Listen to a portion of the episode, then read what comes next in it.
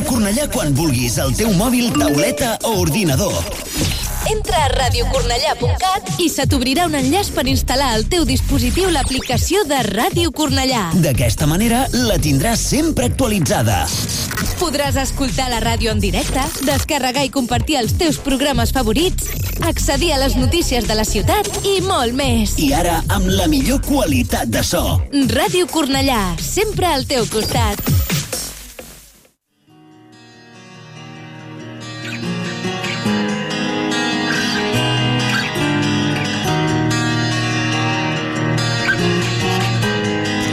Radio Cornellá comienza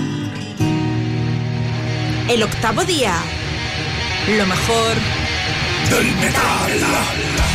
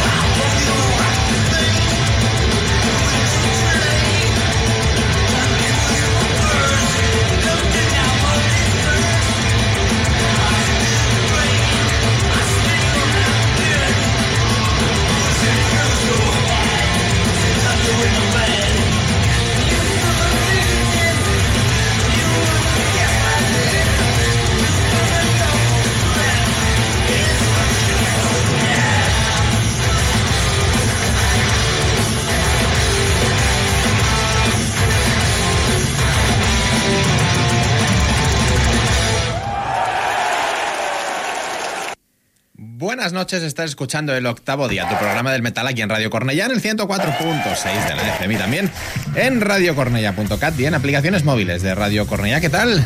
Nosotros estamos aquí una semana más en directo desde las 9 y hasta las 12 en este estudio, uno para traerte lo mejor del metal. Saludos de Dani Ruiz, quien te está hablando ahora mismo y ha rodeado de buena parte del equipo. Hoy a mi derecha, y sin que sirva de precedente, Alfonso Díaz, buenas noches. ¿Qué tal, Dani? Buenas noches, buenas noches, audiencia. Encantado de estar otra noche aquí con vosotros, que había hecho pellas últimamente, y aquí estoy dispuesto a daros un poquito de veneno de ese que sé que os gusta a todos. Por supuesto.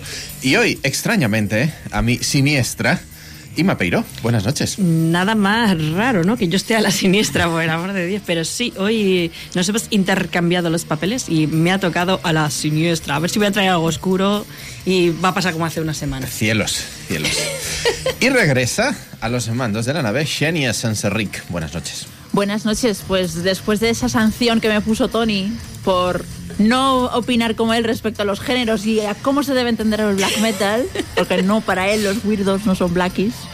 Pues nada, aquí estoy, aprovecho que no está. Y empezamos con una de las noticias eh, que más se ha hablado esta semana, porque el pasado lunes 27 tuvo lugar ese esperadísimo concierto, esa esperadísima reunión, 23 años sin tocar juntos encima de un escenario. Hablamos de Megadeth junto a Marty Friedman en el Budokan, en Tokio, en el estadio Budokan.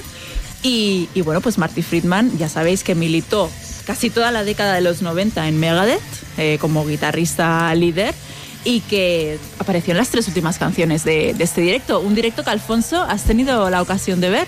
Eh, buenas noches, Xenia. Y bueno, no fueron las tres últimas, fue la parte, la segunda mitad del show, Vale. justo antes de los bises, luego después de su aparición estelar, vieron un par de temas y luego vinieron los bises. Pero bueno, digamos que fue el plato fuerte de, de la noche, ¿no? Y una reunión, pues, que tuvo lugar, como bien decías, en el Budokan de, de Tokio. Y yo creo que fue, pues. eh, pues un sueño cumplido para muchos fans. Yo tuve la oportunidad de verlo porque la banda, pues debido a la trascendencia del evento, pues lo emitió en streaming. Y bueno, decías tú desde el 14 de enero, si no me ha fallado la fuente donde lo he consultado, que Marty Friedman había dado su último show con Megadeth, eh, que no había tocado con el señor Mustaine. Y la verdad que estuvo muy bien, muy bien. O sea, fue muy emotivo porque los que tuvimos ocasión de ver el streaming, antes se emitió un pequeño reportaje en el que pudimos ver a la banda pues en una sesión de fotos por Japón. Eh, vimos cómo se montaba el escenario, un montaje escénico, pues como suelen llevar ellos en las últimas giras, con muchas pantallas que van reproduciendo imágenes, eh, muchas columnas de humo, efectos. Y también pudimos ver cosas curiosas como cómo hablaban Marty Friedman y Kiko Loureiro para repartirse los solos, cómo iban a hacer las entradas, qué parte tocaba cada uno, cosas interesantes ¿no? del trasfondo musical de los conciertos, que bueno, era una cosa especial entre Claro. comillas y había que trabajarla. Y por supuesto el gran momento emotivo, eh, el reencuentro entre Marty Friedman y Dave Mustaine. Un Dave Mustaine al que se le veía bastante sonriente, como bastante agradecido porque estuviera allí Marty Friedman, Marty Friedman muy sonriente, pero no olvidemos que Marty Friedman es toda una institución en la tierra, en las tierras niponas, ha desarrollado gran parte de, de sus últimos 20 años de carrera allí, es, es una megastar allí, o sea, toca desde pop a rock, toca todos los palos. Y bueno, y era una combinación que, que yo creo que atraía a bastante público, tanto de uno como de otro. Musicalmente, pues ya os digo, fue un sueño volver a verle allí, esta vez con tres guitarras. Me gustó mucho, eh, fue algo muy emotivo, primero su presencia y segundo, pues el look puede parecer una tontería, pero seguro que los que son seguidores de la banda se acordarán de aquellas fotos de la época del Countdown to the Extinction, con la camisa de cuadros, sin mangas, pues salió con esa camisa o una igual. Claro, era como volver al pasado Mustang con su camisa blanca, sus muñequeras. Muy emotivo, ya os digo. Fueron tres temas: Countdown to Extinction, Tornado of Souls y Symphony of Destruction, las que tocaron juntos. Y la verdad que yo disfruté como un enano.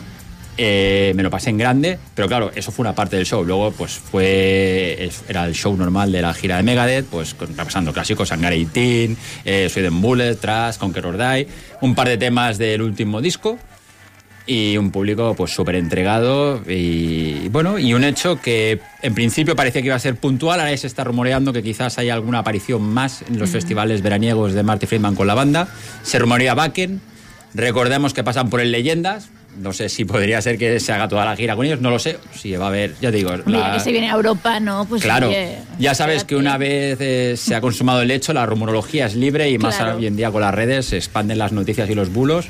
Yo de momento he escuchado que podría ser, el, lo, ha, lo ha deslizado Marty Friedman, que quizás en Backen, porque creo que en Backen va a tocar él, Vale. con alguno de sus Sí, en proyectos. Backen tocan los dos. Toca Marty Freeman Ahí por un lado sí. y toca Megadeth por Pues otro. ahí o sea que que puede sería- darse otro nuevo encuentro. Ya os digo, no creo que peligre el puesto ni mucho menos de Kiko Loureiro, para nada. No. Creo que ha sido una cosa muy puntual, pues por lo que os digo, pues porque Friedman estaba allí, eh, desarrolla su carrera allí, Iván Megadeth, son viejos amigos, me imagino que el carácter de Mustaine se habrá apaciguado con los años, porque sabemos todos la fama que tiene, y siempre es bueno reencontrarse con un amigo, tomarse unos, unas aguas minerales, supongo. A mí lo que me. Bueno, y agua mineral de esta que bebe Mustaine, que no es cualquiera. A mí lo que me ha gustado de esto es que Mustaine lleva un tiempo reconciliándose con figuras del pasado, haciendo paces con. Porque él supongo que es consciente que fue bastante persona non grata con bastante gente y, y va haciendo las paces, él lo va intentando y a mí me gusta que haya gente que diga, hostia, he sido gilipollas, perdona, y voy a empezar a disculparme porque mira, me he dado cuenta que este no era el camino, por lo que sea. Hay gente que lo hace porque ha tenido un accidente mortal, hay gente que tuvo un sueño y no sé qué. Casi mortales, pero si no, qué mal rollo. Y Mustaine, pues lleva unos años que está intentando reconciliarse con toda la gente a la que. Pero hecho- Ima, estarás de acuerdo que una de cal y una de arena, porque lo que le hizo al pobre Junior, pues... Ahí Está dejándolo en fuera. ello, Alfonso, está en Ya, ello. pero bueno. Está- Reinserción es difícil. Alfonso, la reinserción es difícil, pero me gusta que haya gente así que, que bueno, sí, que... recapacitar es de sabios, rectificar es de sabios. Y, Y es lo más tiempo- difícil a veces, el pedir perdón y saber que uno mismo ha sido el que, ¿sabes? El que la ha liado parda. Y lo que me gusta de Mustaine es que lo está haciendo no usando como excusa la religión, porque es que hay mucha gente mm, que empieza, "Mm, he visto a Dios y ahora no, Mustaine no dice que ha visto a Dios, dice que se ha dado cuenta que era gilipollas. Y Bueno, entonces está intentando mm, ser menos gilipollas con el mundo, porque bueno, Paso. está guay, pues ya está, tío, el karma, yo qué sé, o algo, yo qué sé, O lo que crea Mustaine en las guitarras, no sé, pero está guay que se vaya reconciliando y que si tenemos algún coqueteo en el baque, No, hombre, bien pues, estará. estará Ya os digo, sobre todo creo que una cita que, que a los que somos fans de, de Megadeth pues fue un- una alegría, ¿no? Volverlos a ver. Yo tuve ocasión de verlos varias veces y la verdad que hacían un tándem en directo espectacular. O sea, para mí, siempre lo he dicho, la mejor formación era la, la del Countdown to the Extinction. Claro. Lo que pasa que lo malo de Megadeth es que tiene ahora es la voz, no la guitarra. ¿no? No, no. A los años no pasan en balde para ser sabio, pero también te desgastan. Y la verdad que sí, ahora, ahora que lo comentas, la verdad que la voz de Mustang, ya tuvimos ocasión de verla en el pasado Rockfest, no está, nunca ha sido un, un Bruce Dickinson de la vida, evidentemente, pero la verdad que ahora ya O sí... sea, que a mí me gusta, ¿eh? No quiero ahora sonar hater, que yo veo a Megadeth, lo he ido a ver todas las veces que he podido. Pero sí que es verdad que siempre que salgo de los conciertos de Megadeth, históricamente la gente, oye, que mal canta Mustaine, no sé qué. Entonces, claro, si hubiera que sustituir a alguien, no sería guitarrista. Pero bueno, no pasa nada. Mustaine es, es una diva y lo queremos como es, no pasa nada. Te iba a preguntar, Alfonso, ¿sabe cuánta gente siguió el streaming? La O sea, verdad que no, no tengo el dato, no vale. tengo ni idea. No, porque era un concierto de pago, creo que eran Sí, sí, 15 sí, sí. euros al... Aparte había varios, había varios pases, se Ah, podía vale. ver en diferentes, diferentes veces. Creo que era hasta cuatro oportunidades tenías de verlo, Vale, Oh. vale. en diferentes horarios. Es que claro, aquí yo también pienso en el dinero, es decir, igual que han hecho este concierto de streaming, que, han sacado que han sacado el dinero de vamos a hacer este streaming, a mi modo de ver, eh, un poco caro el precio, pero eso ya es cada uno con lo suyo, ¿no? Yo, yo creo que sigo un poco en el pasado y no con esta inflación que tenemos. Em, claro, tú ves que esto ha funcionado muchísimo. Esto era de lo que más se hablaba en las últimas semanas, que te lo trasladen a Wacken, que también es un festival que se retransmite que hay muchísima publicidad en la retransmisión en directo que pueden sacar un montón de pasta back por eso y luego si lo traen leyendas o lo que sea quieras o no tienes un nombre que la gente va a hacer que vaya Pero yo- yo creo que está bien y hay que, igual que muchas veces nos atacamos las redes sociales por lo, lo negativo que nos aportan, esto son cosas positivas. Sí, sí, sí. Yo creo que todos estaremos de acuerdo que si esto hubiera pasado en los 90, habríamos tenido que esperar a que hubiera salido la revista de turno para enterarnos o hacernos una ligera idea de lo que pasó. O sea, lo hemos podido ver a tiempo real y aparte varias veces has podido verlo si habías comprado y si no, pues ahora yo os lo explico, que no es lo mismo que lo hayáis visto, evidentemente, pero bueno, No, no, rápidamente lo tenéis aquí. la- Exactamente, las tienes vídeos. completas sí vale bueno era por saber si, si sabías la cuánta gente había podido Bueno, yo creo que mucho fan de Megadeth Está. no se habrá querido perder la cita, Claro. porque en principio, ya te digo, parecía que iba a ser una, una cosa única, ahora parece que se ha abierto la veda y que podría haber algo más. bueno Esperemos que sí. Pues nada, vamos a estar pendientes de las redes, como bien comentabas. Como vosotros también tenéis que estar pendientes de las redes sociales del Octavo Día, que son el Octavo Día 8 en Facebook, eh, Twitter arroba el Octavo Día, Instagram arroba el Octavo Día 8, YouTube arroba el Octavo Día 8, eh, TikTok arroba el Octavo Día 8, el grupo de Telegram también que se accede mediante enlace y que sepáis que tanto en las plataformas de streaming como en YouTube ya tenéis nuestro top de febrero para si aún no lo habéis catado, pues que lo podáis catar. Dicho esto, seguimos con más musiquita, Alfonso. Aparte de Megadeth, ¿qué más te ha ocupado esta semana a nivel Bueno, metalero? pues a ver, pues ya que estamos con Megadeth, ¿no? vamos a seguir un poquito por la senda y vamos a levantar un poco el dedo acusador, ¿no? Y yo soy el primero que muchas veces pues nos dedicamos a rebuscar bandas que son de aquí, que son de allí, que realmente, pues bueno, son buenas bandas, pero ¿por qué llegamos a ellas? Por indagar. Pero esta vez no, esta vez nos vamos a quedar aquí, vamos a mirar hacia adentro. Aquí tenemos muchas cosas buenas que a veces, simplemente porque están, las tenemos al lado, quizás no les prestemos la atención que merecen. Y vamos a hablar, si os parece, de una banda de aquí que se llama Acromizer. Seguro que a muchos os sonarán. Es una banda que ya lleva bastantes años dando caña, ya concretamente desde 2008. Han publicado un par de discos anteriores. Y bueno, y pues seguramente a algunos os, sonará también por la relación de algunos de sus miembros con otra banda clásica dentro de la escena catalana, como son Alianza. Pues bueno, vamos a hablar de lo que va a ser el nuevo trabajo de, de estos Acromizer, que va a llevar por título Reborn. Le comentaba a Dani que él es un amante de- del mundo de- del cómic, que Acromizer pues plantean algo diferente, ¿vale? Plantean lo que es eh, su nuevo trabajo y también va a estar relacionado con un cómic. O sea, todo esto, el disco, lo que ha sido el disco, ha estado grabado en los estudios Montower y va, a- va a estar eh, producido por Dan Suano. ¿Vale? Entonces, para ¿Cómo te gusta traer cosas de Dan Suano, eh? De verdad, ¿cómo te gusta? Es que es, es la fórmula de Dan Suano, ¿no? De poner los botoncitos. dineros, ya. Bueno, eh, esto eh, lo quieren financia- financiar, ya está grabado a través de una campaña de, de Berkami, ¿vale? Invito a la gente que entre en el, en el Facebook de la banda de Agromizer y que vea los diferentes packs en que puede tener acceso al material, porque hay packs muy interesantes. Desde el más económico, que sería lo que es el, el disco en versión digital, luego tenemos el disco en versión digital y la entrada al concierto a la presentación Ah, en pues vivo. guay. Luego tenemos el CD digital, eh, o sea, el CD, el digital y la entrada al concierto. O sea, hay diferentes con camiseta, y incluso hay un pack que viene toda la discografía de la banda con la camiseta y la entrada, que sería ya el, cu- el culmen, ya de tenerlo todo y una púa de regalo, que eso sale por 40 pavos. Pero digo, son tres bien. CDs, la camiseta y la entrada para el concierto. El concierto, que será el de presentación del disco, que se tendrá lugar el próximo 26 de mayo en la Sala Bóveda de Barcelona, con Ármate, como troneros. Así que ahora que ya hemos vendido el producto, Joder, yo creo que sí. A mí me lo has vendido, desde luego. ahora yo creo que es momento de realmente centrarnos en lo importante que es el aspecto musical y vamos a escuchar pues lo que ha sido el primer adelanto de este nuevo trabajo de Acromizer que lleva por título Rage.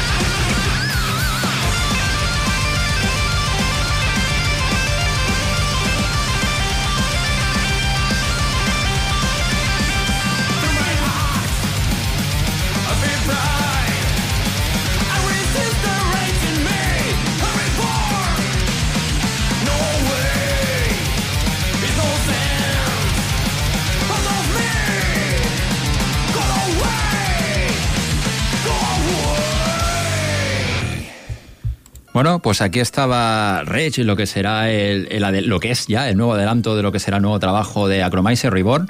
Y ya os digo, un trabajo que promete mucho. Creo que se nota la evolución de la banda desde aquel Awakening de 2019. Creo que están las bases de su estilo, pero hay una cierta evolución, eh, temas más complejos, estructuras algo más trabajadas. Y se nota ahí que ha habido horas de, de ensayo, de composición y darle vueltas a los temas. Un sonido potente, poderoso y yo creo que muy recomendable para cualquier amante del thrash metal. Sí, sí, totalmente. A mí me ha convencido, no sé, yo lo he visto Zapatilla de la Buena. Estos son los que eran de Badalona, ¿no? Estos chicos.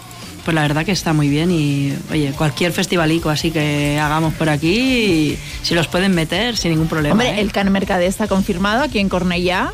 Así es. eh, y luego eh, en el MUF yo creo que no, no acaban de encajar en el MUF Fucking Brain, pero en Can Mercader podría encajar perfectamente. O Rockfest si realmente se hace al final, pues... Nos falta el elemento que tiene la información de Refes. Yo os digo que eso está muy bien, pero recuerdo que el 26 de mayo Eso, van a estar en. Bóveda, vamos a ir Se a lo que está ver, sí. más, más cercano. Eh, si no os interesa ningún pack de estos que he dicho, eh, por 10 euritos tenéis la entrada anticipada, que eso ya ves. que 10 son euros 10 es euritos, nada, o sea, para ver dos bandas, muy buenas bandas, Mm. y una noche que promete emociones fuertes y buen metal. Pues sí. Los añadimos a la agenda de conciertos de mayo, que hay que tenerlo presente esto. Ciertamente. 22 de julio, el Camercader Festival aquí en Cornellá. 22, vale. Eh, eh, eh, espera, vale, vale. Hay que añadir, hay que añadir. Sí, sí, Tenemos que dejar- editar tengo que agenda. trabajar, me, tenéis- me ponéis aquí a trabajar. Multitasking, señor. Seguimos con más cositas. Ah, me toca a mí. Ah, bueno, pues Evidentemente. claro, por eso estaba aquí todo el mundo haciendo tiempo, claro, porque le tocaba la petarda a la Inma. Pues yo me voy a estrenar. Venga, hoy que venía la jefa, digo, voy a hacerle la pelotilla, voy a traer una banda donde él, no, no porque te vaya a gustar, eh, no te ilusiones tampoco. Vaya. Porque el batería es fan de Devin Townsend. Por eso Vaya. te preguntaba si ibas concierto, Pensaba que, no ibas a, que, sí, que lo preguntabas por Clone, que eh, telonean. Por eh, perdón, Clone ha estado en mi top. Por su- ahí va. Cluny, no sé cómo se pronuncia. Cluny, eh, Cluny. una banda que telonea David Thousand ha estado como disco destacado de febrero. destacado de febrero porque es un discarral, señoras y señores. Mm, No a mí me acabo gusta de mucho. conectar con ellos aún. Entiendo que no conectes con ellos, porque la voz es muy metal alternativo. Sí. Sí. Yo creo que es la voz lo que te saca. Quizás sí. Yo creo que todo lo demás a ti te encajaría, Eh. pero la voz es lo que te saca, que Sí. la voz es la misma lo que me lleva. Bueno, cada uno con lo suyo. Vale, pues la banda que traigo ahora, el batería es fan de Devin Townsend. Entonces ya yo creo que por ahí entro bien, ya entro bien. Eh, Grand Design, una banda que se forma en 2006 ah, con la mente pensante de Pele Saeter y que bueno, después de ir haciendo varios cambios de formación y sacando discos con aquí y con allá, porque la verdad es que han cambiado mucho de discográfica y de formación, mm, paso de relataroslo todo, pero sí que es verdad que han venido varias veces a España con una vez vinieron con ya te lo diré el de Europe cómo se llamaba Mm, mm, ahora te lo digo que no me acuerdo. El Marcelo eh, ¿Quién Marcelo? Eso era. El Marcelo. El Marcelo, el El Marcelo de toda la vida. El de la, el de Joaquina, el, de la el tercero o cuarta. La madre tiene una carnicería ¿Quién Marcelo? chaplán. Esa misma, el de la carnicería. Kim Marcelo. Y vino con Dynasty eh, en 2015. Y luego también ah, han ido viniendo otras veces. O sea que es una banda que aquí en España ya conocemos bastante. Eh, publicaban eh, un álbum, eh, bueno, van a publicar un álbum el 21 de abril. Esta banda es muy divertida, sobre todo los títulos normalmente, porque jamás ponen las palabras, o sea, no he visto más veces escrita la palabra rock and roll sin escribir rock and roll que lo que hace esta gente.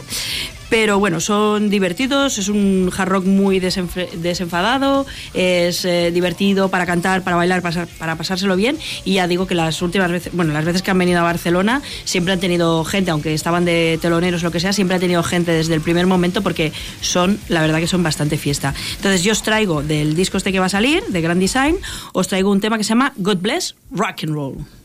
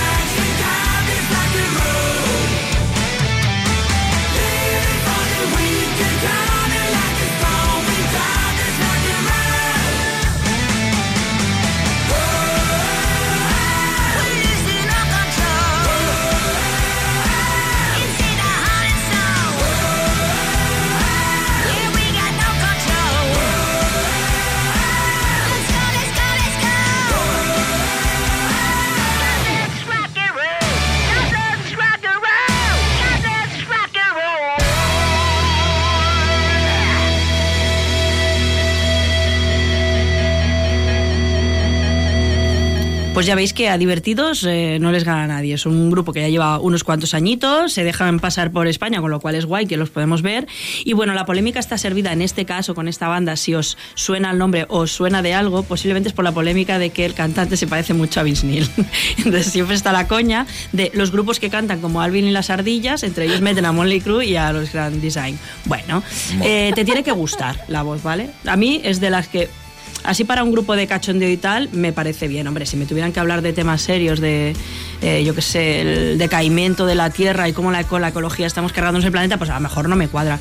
Pero para temas así desenfadados y música de fiesta, a mí la verdad que me encaja bastante. O sea, que, que se parezca a Vince Neil, pues tampoco me, me trae ningún pesar. Me parece muy bien y me parece que encaja perfectamente. Pero ahora que has dicho lo de Alvin y las ardillas, eh, ahora que lo estoy escuchando con esa referencia. es Ahora ya no se total- asocia más. sí, antes ni había caído, pero tienes toda la razón. Es una polémica, la verdad, que estos grupos, bueno, Molly Crew le ha pasado siempre, ¿eh? que Vince to- había gente, eh, más que centrarte en la música, había gente que se centraba en la voz de Vince Neil. Y era en plan, joder, es que el pavo, tío, con esa voz que tiene, bueno, tío, si te llega, te llega. tío. Si no te llega, pues no te llega. Y ya está. personal, Quiero sí. decir, va- Vamos a ver, pero ¿quién se metía con Vince Neil por, por su voz? Si estamos hablando de una época que había una banda que se llamaba Rat. Sí. hablando de agudos. Claro, es que estamos hablando de, de ese estilo de música y esa voz era la que se llevaba en el Sunset de los 80. Había Es muchos grupos así. Tampoco hay que poner las cosas en su contexto, si es que era la voz de la época. Claro. Pero ahora ya no es la época. No, claro, es, evidentemente, pero ahora no Pero puedo están entender. inspirados, están inspirados en la época, llevan también las mismas temáticas, la misma sonoridad. Entonces, Evidentemente, God bless rock and roll, God pues, rock lo, and que, lo que dices tú, ¿no? eh, Yo me quedé en Chippy Chop. te quedas en chipicho. Pues sí, también un poquito chipicho, también, ¿sabes? ¿Por qué es, no? es horrible Alvin y las ardillas. Alvin las ardillas, pues es, eh, Tengo, es así. tengo un, un hueco ahí, no, por Alvin y las ardillas no me sale nada. No te sale nada, Llevan- van referencia. vestidas de rojo, verde y azul, ¿puede ser? Algo así, ¿no? Pero Sí, cantaban, era sí, como sí, un sí. grupo y les ponían la voz a más altos decibelios. Sí, entonces, eso en- el- para los como con de Helio. mi época eran los pitufos maquineros. Como los pitufos maquineros parecidos, sí. Pero sí, no, la verdad es que siempre ha habido mucha polémica con estos grupos que tienen esas voces tan al límite. Sí. Y este es uno de esos grupos que tiene la voz al límite, no pasa nada. Y entonces tiene los mismos, o sea, la misma gente que es muy fan de este estilo desenfadado y de Sunset y tal, y cachondeo, pues esta voz no le entra y, y te dice, me parece muy bien la guitarra, me parece el sonido está muy bien sonorizado, el disco es muy bueno, pero la voz no me entra, lo siento. Y al revés. Sí, sí, Yo a mí la verdad que, como ya te digo, ¿eh? a lo mejor si fuera otra temática te diría, "Mm, no lo estoy viendo. Pero para este tipo de grupos me, me encaja muy bien y me lo paso muy bien viéndolos. O sea que yo lo recomiendo perfectamente y va a salir el 21 de abril el disco. Así que irse preparando para el vino y las ardillas. Para el Music Store Record Day, Store ¿no? Day, ¿no? Que Ah, es el mira. 23. Ah, pues no lo ¿Hacen sabía. algo así ¿Lo especial? vas a apuntar también en la agenda de conciertos, lo del Music? No lo iba a apuntar, pero si, si queréis lo anoto, no me viene de Por aquí. favor, por favor. No tengo memoria. no me viene de aquí, pues lo ¿Cómo te anoto. llamabas, por cierto? Bueno, un Record Story Day que, que en los últimos años hay bandas que se han apuntado a lo de sacar cosas Sí. especiales para ese día y para atraer a- por el disgusto de los coleccionistas, que tienen que dejar la pasta. Ahí, ahí. Pero bueno, es que se ha convertido también este día en algo como muy festivo relacionado con la música y, y eso lo que tú dices, ¿no? Vamos a aprovechar y que sí, que como edición y como grupo y como fan tú lo agradeces, pero luego tu bolsillo es en plan, bueno, este mes arrocito y... Sí, sí, pero que más. cada banda que tiene un poco de prestigio siempre por lo Sí. menos un 7 o un single, alguna sí. cosita siempre cae con alguna cara especial, alguna cosita. Recuerdo, por ejemplo, antes de la pandemia, no sé si fue un año o dos antes, que Shiroi sacaron su Payés, sus Satanics, lo sacaron en el Record Story Day. Ah, mira, Yo, sí, por sí. ejemplo, fui de los que fui a comprarlo ese día. Bien, bien, bien, Alfonso. Compré uno para mí y otro para mi compañero Carlos Oliver, por cierto, Muy que le mando un saludo desde aquí. Toma ya. Ah, le he saludado Carlas, que aparte de hace poco fue su cumple, creo. Sí, sí, sí. Pues ya está. Saludado queda. Muy bien. Malditos suecos. ¿Vas a por los Vamos ya, vamos ya. 37 minutos desde el inicio del programa de hoy y nos adentramos ya directamente en Estocolmo porque llega una novedad de estas que nos queman en las manos y que tenemos que pinchar siempre rápido. Hablo de lo nuevo de una banda llamada Cardinal Sin, banda que yo he descubierto hace 48 horas. Pues No me digas que has traído a Cardinal Traía Sin. Cardinal Sin, señores. bien. Hemos vuelto a coincidir. Pues te aguantas porque me toca. a. Vale, chitón. La comunicación entre los miembros del equipo de este programa. Como veis es, legendaria. Eh, ¿Conocías a Cardinal Sin? de Eh, antes, pues yo los conocí el viernes. No, no, no. Ah, no, pero ya tenían su renombre. Tienen, tienen carrera, tienen ¿Qué carrera. carrera? Tienen dos discos. Pues será que el primero fuera un pelotazo, no sé. O ya no, dos porque discos, antes se Llamaban de otra manera. Pero tenían un disco. Vale, venga. Como Rough Diamond sacaron un disco en 2012, luego como Cardinal Sin sacaron dos discos en 2017, que por lo visto tenían material para aburrir, y ya silencio absoluto hasta Saligia, que acaba de aparecer. De hecho, mira, ya que lo iba a traer Ima también, os voy a dejar con el tema que he elegido yo, vemos si coincidimos, y luego confrontamos opiniones, porque mm, a mí me ha dejado un pelín frío. No porque el disco no tenga buenos miembros, sino porque simplemente es de aquellos que por gusto a mí no me acaba de... ¿Para qué lo traes, tío? Si no te gusta, a ver, me el tema- pinchar a mí, que yo lo hubiera el hablado tema bien que voy a poner me ha gustado mucho. Gentuza, que eres un El gentuza. Lo nuevo de Cardinal Sin suena así, The Velvet Lies.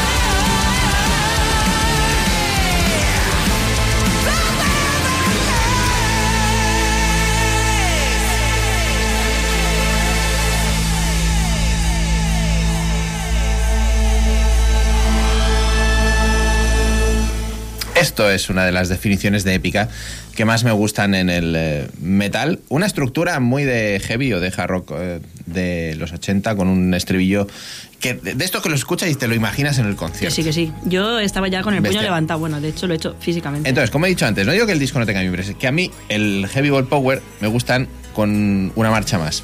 Nada. Entonces, como estamos comentando ahí con Inma, cuando van un poquito más lento, más a medio tiempo, Mm.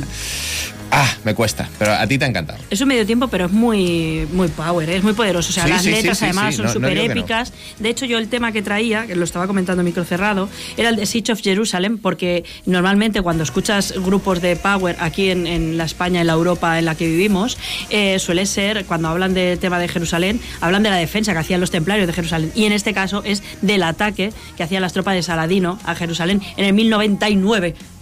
¿Qué te pasó? Con lo cual, eh, ¿Lo estaba- subimos un momentito? Ima? Ah, sí, dale.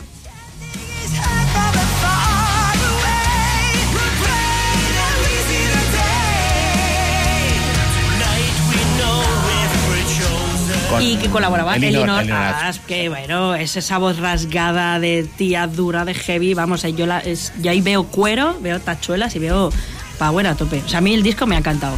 Lástima que no te llegue el, el metal así en medio tiempo, pero ya te digo, no es rápido, no es un power metal virtuoso, esos de guitarra, lo Ingrid Mastin, No. pero es es muy em, cadente, power, tiene mucha muy buena cadencia y es de ir cantando, es épico, levanta puño, canta y está. La verdad que está súper chulo, a mí me ha gustado mucho. Y me acabo de dar cuenta ahora, buscando que han tenido como guitarra hasta hace cuatro días, como quien dice, a Joke Bajatalo, que es eh, uno de los miembros fundadores de Stormburner, quienes sacaron eh, uno de mis discos favoritos de 2019, que esto Y, sí. son- eso sí que es épico. Eso sí, eso sí, maldita sea. Seguro que estaba aburrido de Cardinal y dijo, yo me voy a hacer A metal Del bueno. manowarense. Y hermanos del metal, queda aquí claro que pasamos de las canciones de fiesta de Alvin y las ardillas eh, a lecciones históricas de las cruzadas. eh. Vamos de un extremo a otro sin movernos eh, en 10 minutos. Pasamos del cachondeo del viernes por la noche a la clase de historia de mañana por la mañana. En el metal cabe todo y en el octavo día también. también. Y muestra de que en el octavo día cabe todo es lo que va a poner ahora Xenia. Bueno, yo iba a añadir que la, esta canción no tanto, pero la que tú has pinchado, que has decidido, Dani, va ideal para correr. Creo que tiene el tiempo idóneo para ir a hacer una carrerita. O sea, para añadir en esa playlist de gym que tenemos en, en Spotify. y tiene una estructura, la letra no en este caso, pero tiene una estructura de lo que yo vengo siempre a llamar eh, canciones de campeonato. Que es la típica canción hard rockera que podemos escuchar en películas Mm, tipo sí. Rocky, de cuando el protagonista, después de haber sido vencido, consigue a base de esfuerzo y tesón derrotar a su oponente. Entonces, esa canción tiene una estructura que cuadraría perfectamente. Peliculero. Sí. Pues nada, proseguimos y yo voy a cambiar un poquito el tono. Va a haber epicidad, pero también va a haber guturales, porque ya llevaba unos días que quería pinchar esta banda, pero al final, pues mira, por una cosa u otra no salieron. Y justo esas semanas hablo de ellos en el grupo de Telegram también. Ahora ya lo, de- lo compruebo todo para que no se me escape nada. No pasa nada no si duplicamos con lo que se pincha en Telegram, porque No, no, no, todo el mundo tiene acceso a Telegram. Y No. esto ya lo hemos establecido. Se puede repetir. Por supuesto, por supuesto, pero me, me gusta ahora contrastar. Eh, cuando me acuerdo, por supuesto, que esa es otra.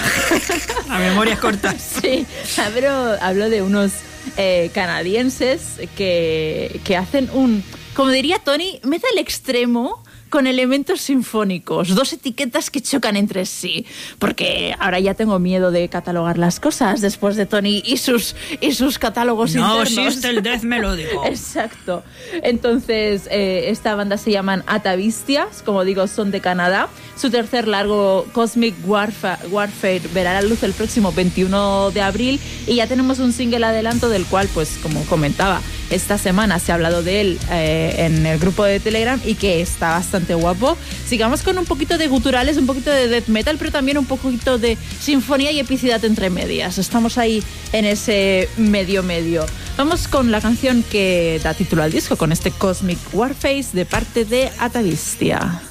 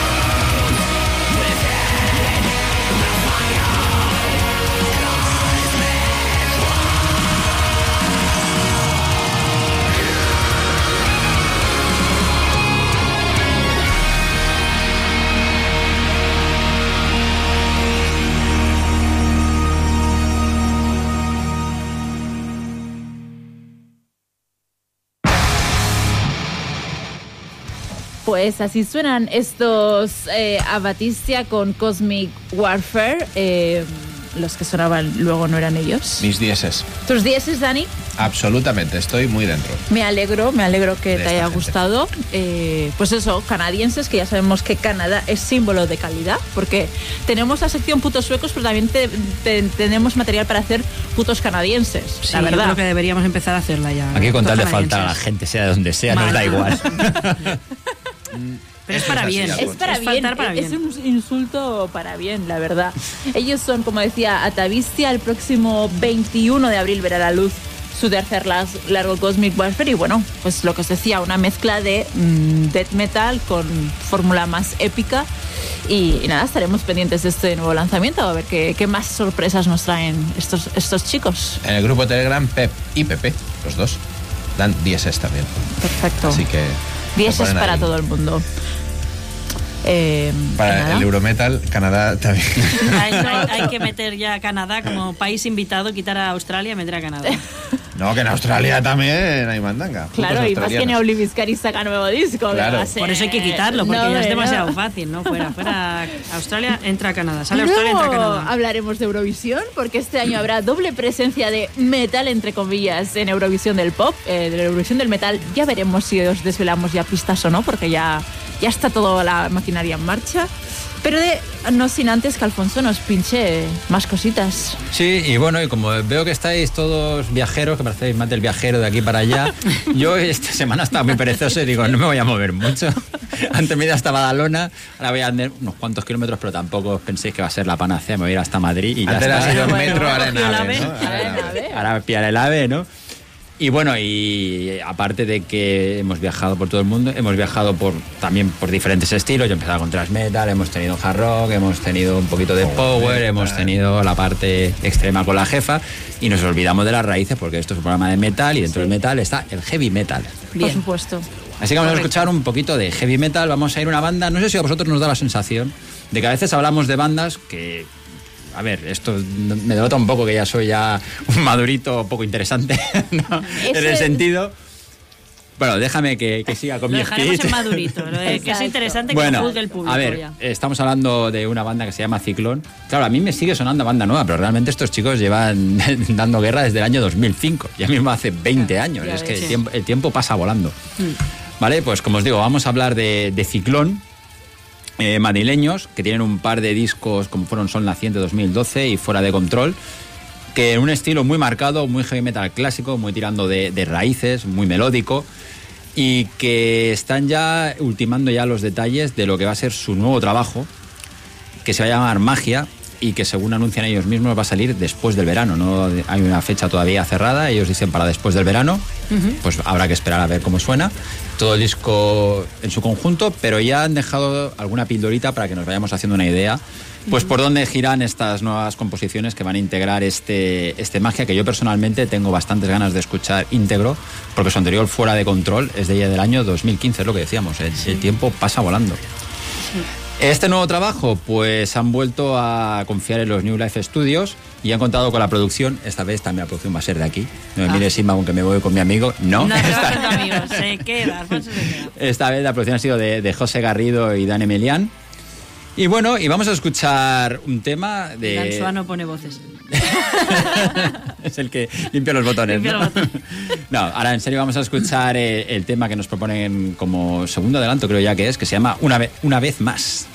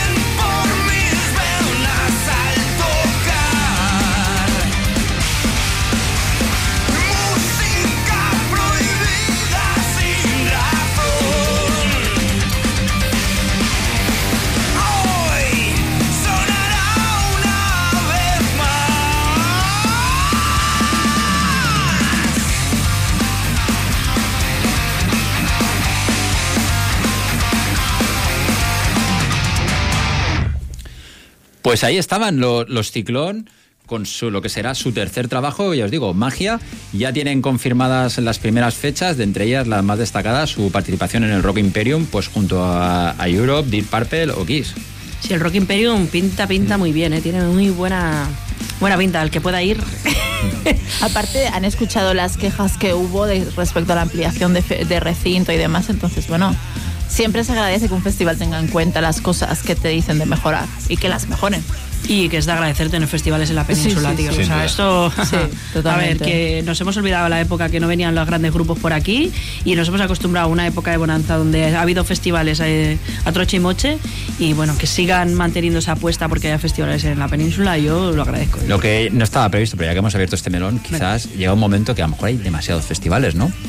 Porque no se puede estar a todo, porque también eh, la avenida de Molde y Crew con Ah. Def Leppard coincide no sé con festivales, y, claro, y eso eh, es, es una cerdada para, para el fan. Por eso te digo que a lo mejor eh, hemos pasado a un punto que no venía nadie, aunque hay demasiados festivales, a lo mejor tendría que ser como en muchos países, ¿no? Que hay un gran festival y hay muchos festivales de segunda o más cercanos, Por por, así decirlo. ¿vale? Pero uno o dos festivales en cada punto del país a lo mejor.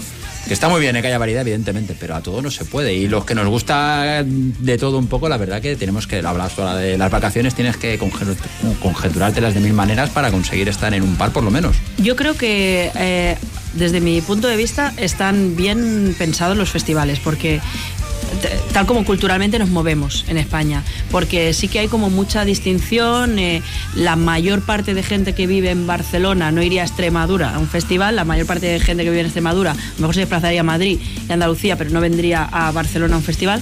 Entonces, tal como nos movemos en España, yo creo que están bien pensados, bien sectorizados. Ahora bien, hay cosas que se pisotean, como tú decías. Pero oye, vamos el al extremo, nunca mejor dicho. Una persona O sea, que los va- que vamos a viva- todos los conciertos no persona- contamos, Alfonso. No, no, pero no lo digo por mí, pero una persona que va en Extremadura y le guste la, la cuerda de bandas, porque cada festival no es que sea especialista en una cosa, pero digamos Pero que sí tira que para. se sectorizan, sí. Y le gusta el rollo del resu. Hmm.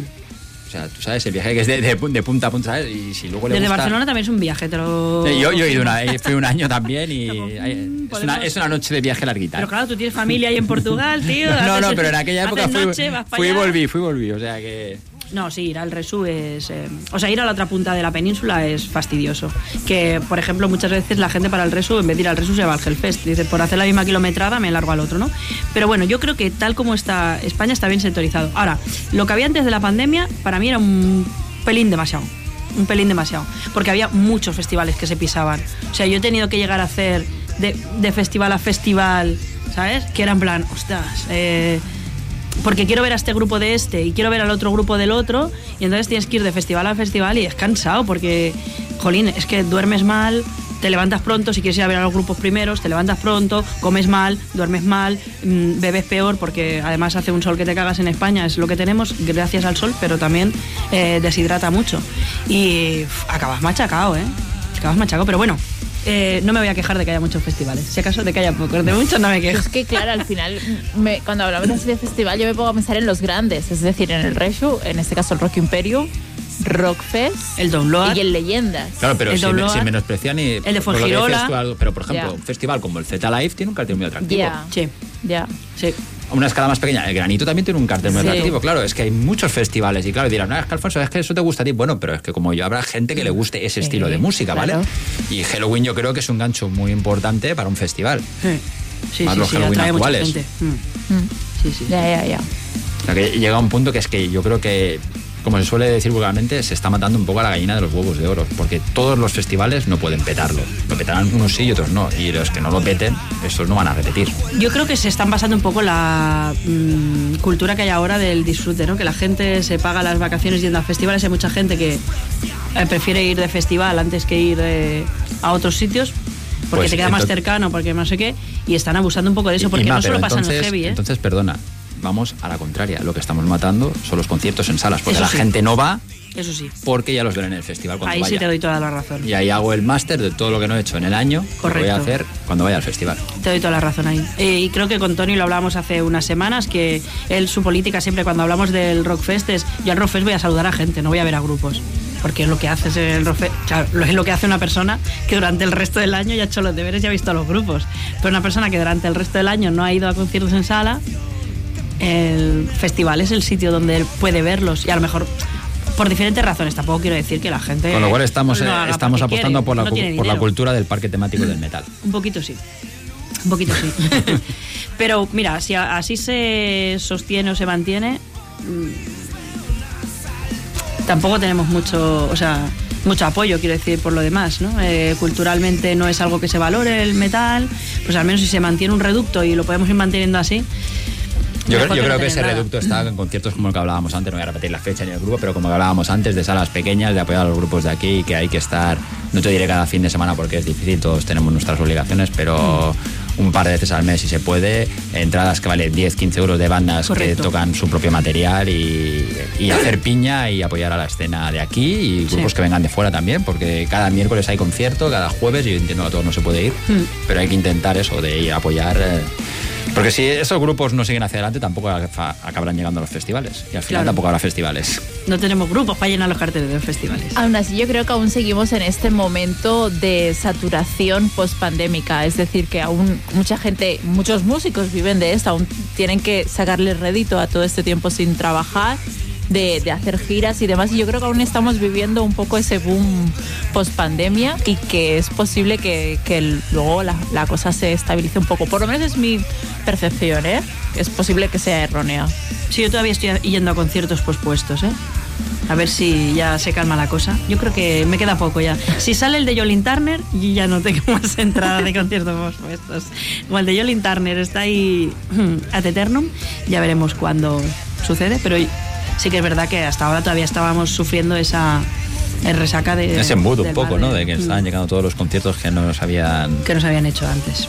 Bueno, los que no vamos a ver ni en festival ni en concierto, creo yo, son el grupo que traigo ahora, que es Legado de una tragedia, ese proyecto de Joaquín Padilla. Eh, es un proyecto que a mí, de entrada, cuando salieron, me ilusionó muchísimo. La trilogía que hizo de Edgar Allan Poe, especialmente la primera, la primera parte. Pero bueno, las otras. Vamos a ir acotando. Acotando. La, especialmente la primera parte me gustó mucho. Eh, fui una de las sorprendidas, no me olí para nada la tostada cuando salió. O sea, me pilló totalmente.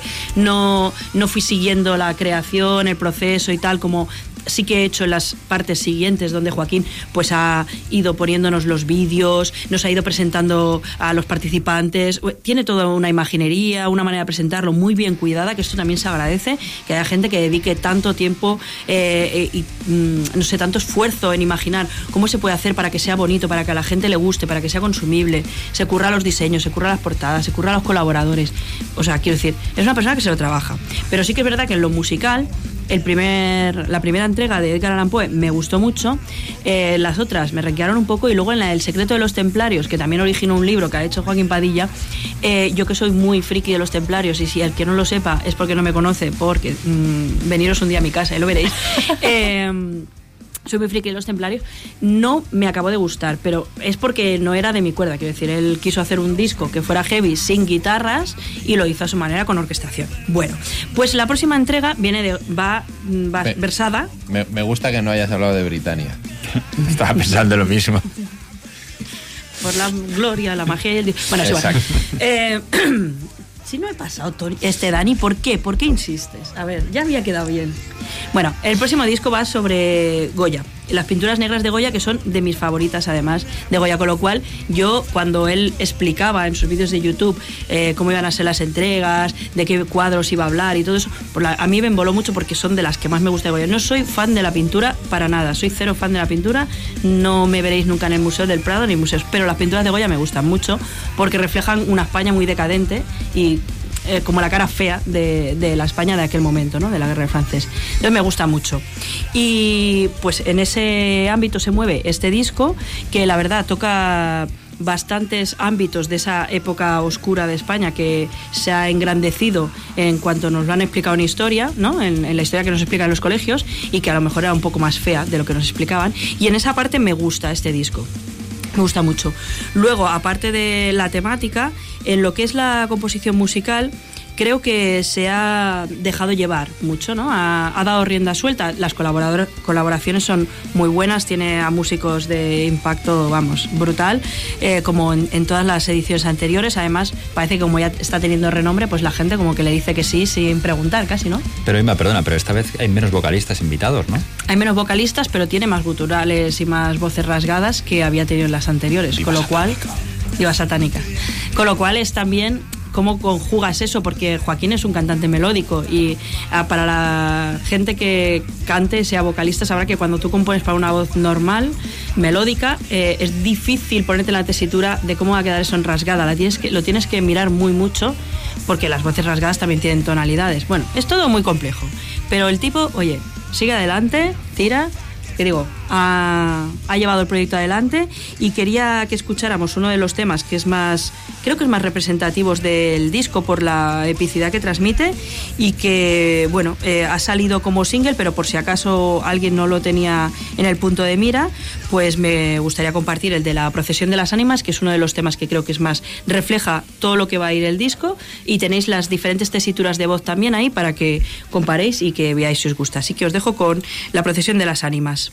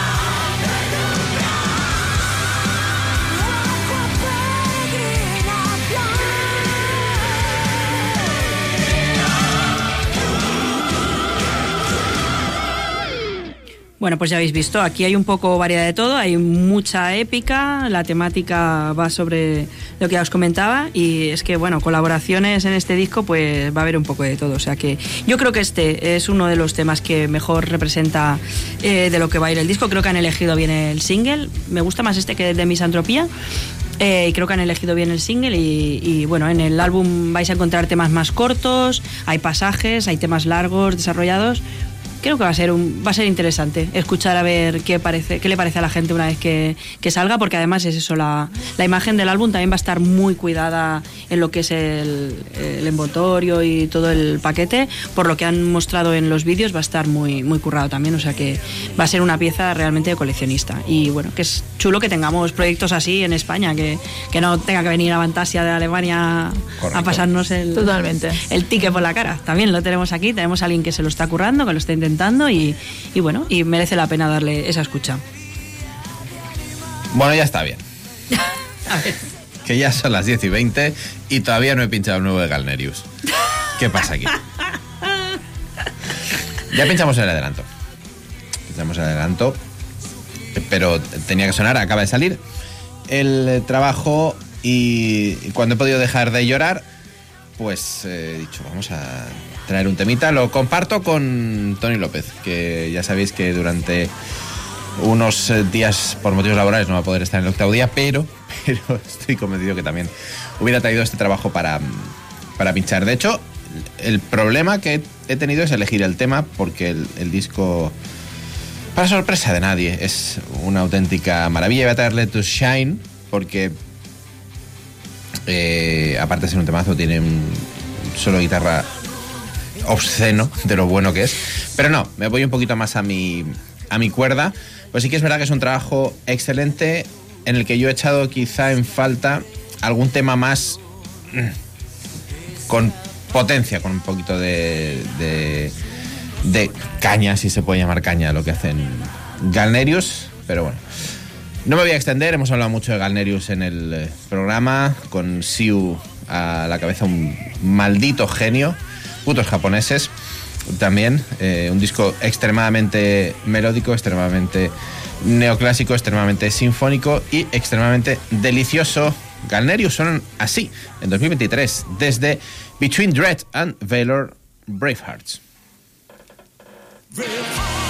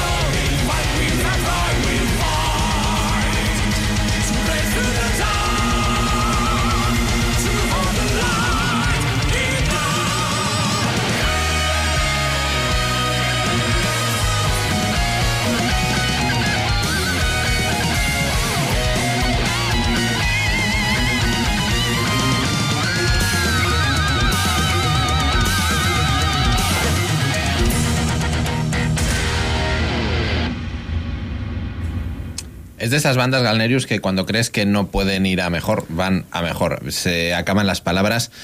eh, llevan una trayectoria impecable, larguísima ya, para lo que estaba pensando. Primera demo, 2001. Ay, Dani, que tienes una ya. Sí, sí, una y casi dos. Hay que... Es una fantasía este disco, ¿eh? Sí. Lo que más, me has dejado un poco fuera si hubiera faltado un poco de... No, no, no. Al, al disco igual le falta un par de temas como este. Porque sí que es verdad que, que están algo más reposados o más melódicos incluso. Pero vaya, no le quitaría absolutamente nada lo que tiene este Between Dread and, and Velor. Además con una formación, eh, quitando al, al batería que entró en 2020, que lleva ya muchísimos años, más de, más de 12 o 13 años tocando sin parar eh, todos juntitos y la verdad es que se nota, ya sabéis que lo único que me falta a mí con Galnerius es verlos en En directo. directo. Y que alguien en el chat de Telegram se ahorre el comentario y yo los vi en directo. Ya lo dice. sabemos, ya lo sabemos. Ahora me toca a mí. Y, tenemos perspectivas de... ¿No? No se sabe nada. No.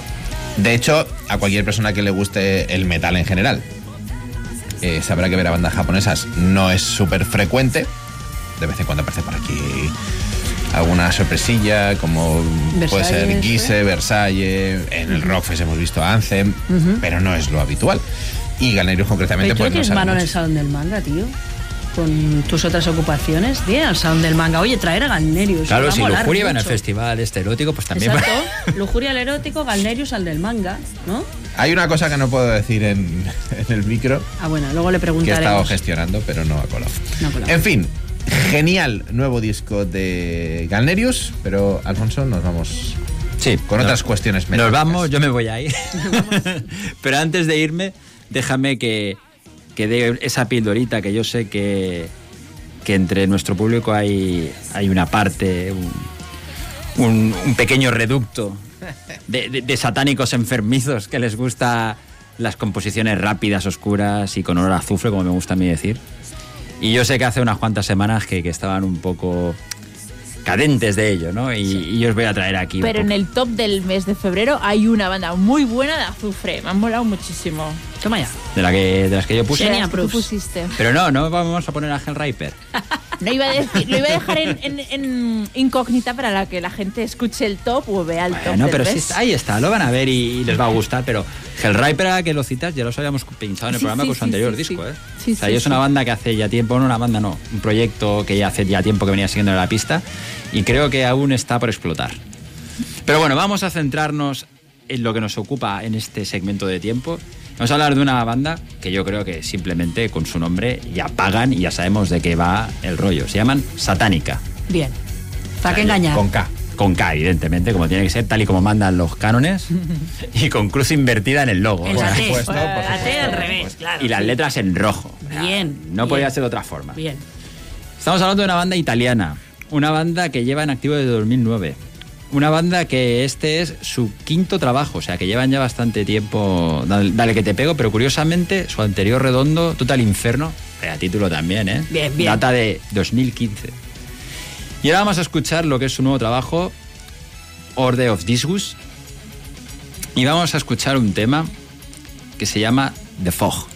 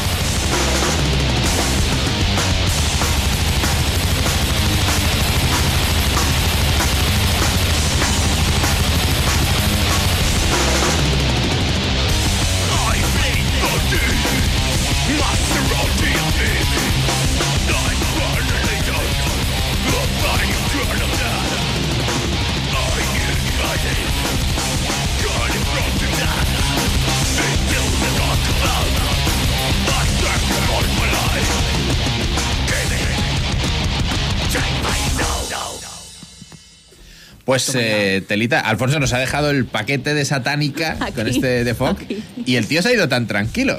Madre mía, menudo zapatazo, ¿eh? Joder. Qué barbaridad. Os dejo aquí todo el azufre, ¿eh? O Me sea, una de aquí humo aquí en el de esto, en el estudio que no veas, macho. Hemos, hemos tenido la, la misma reacción, Irma y yo, cuando ha empezado el tema, Yeah. que cuando entra la voz, nosotros hemos chillado en plan tomaraya Exacto. y no, han Iba para ha ido abajo. directamente al, al gutural. Pero Tomaraya también quedaría bien en este tipo de melodías, yo creo la que sí. Yo creo que sí. Hemos Sí, hecho un sí. ah al principio, Exacto, pero ha ido exacto, para exacto, abajo. exacto, ha ido no, para no. abajo. Muy bien, muy bien, fantástico. Muy guapos, sí, la verdad que sí. La verdad que sí. Pues ya que Alfonso nos ha dejado un poquito aquí de azufre, yo sigo con, con el azufre. Ah. Pero en este caso más cercano, porque los chicos de Avern eh, nos han facilitado lo que va a ser parte de, de- de su segundo largo.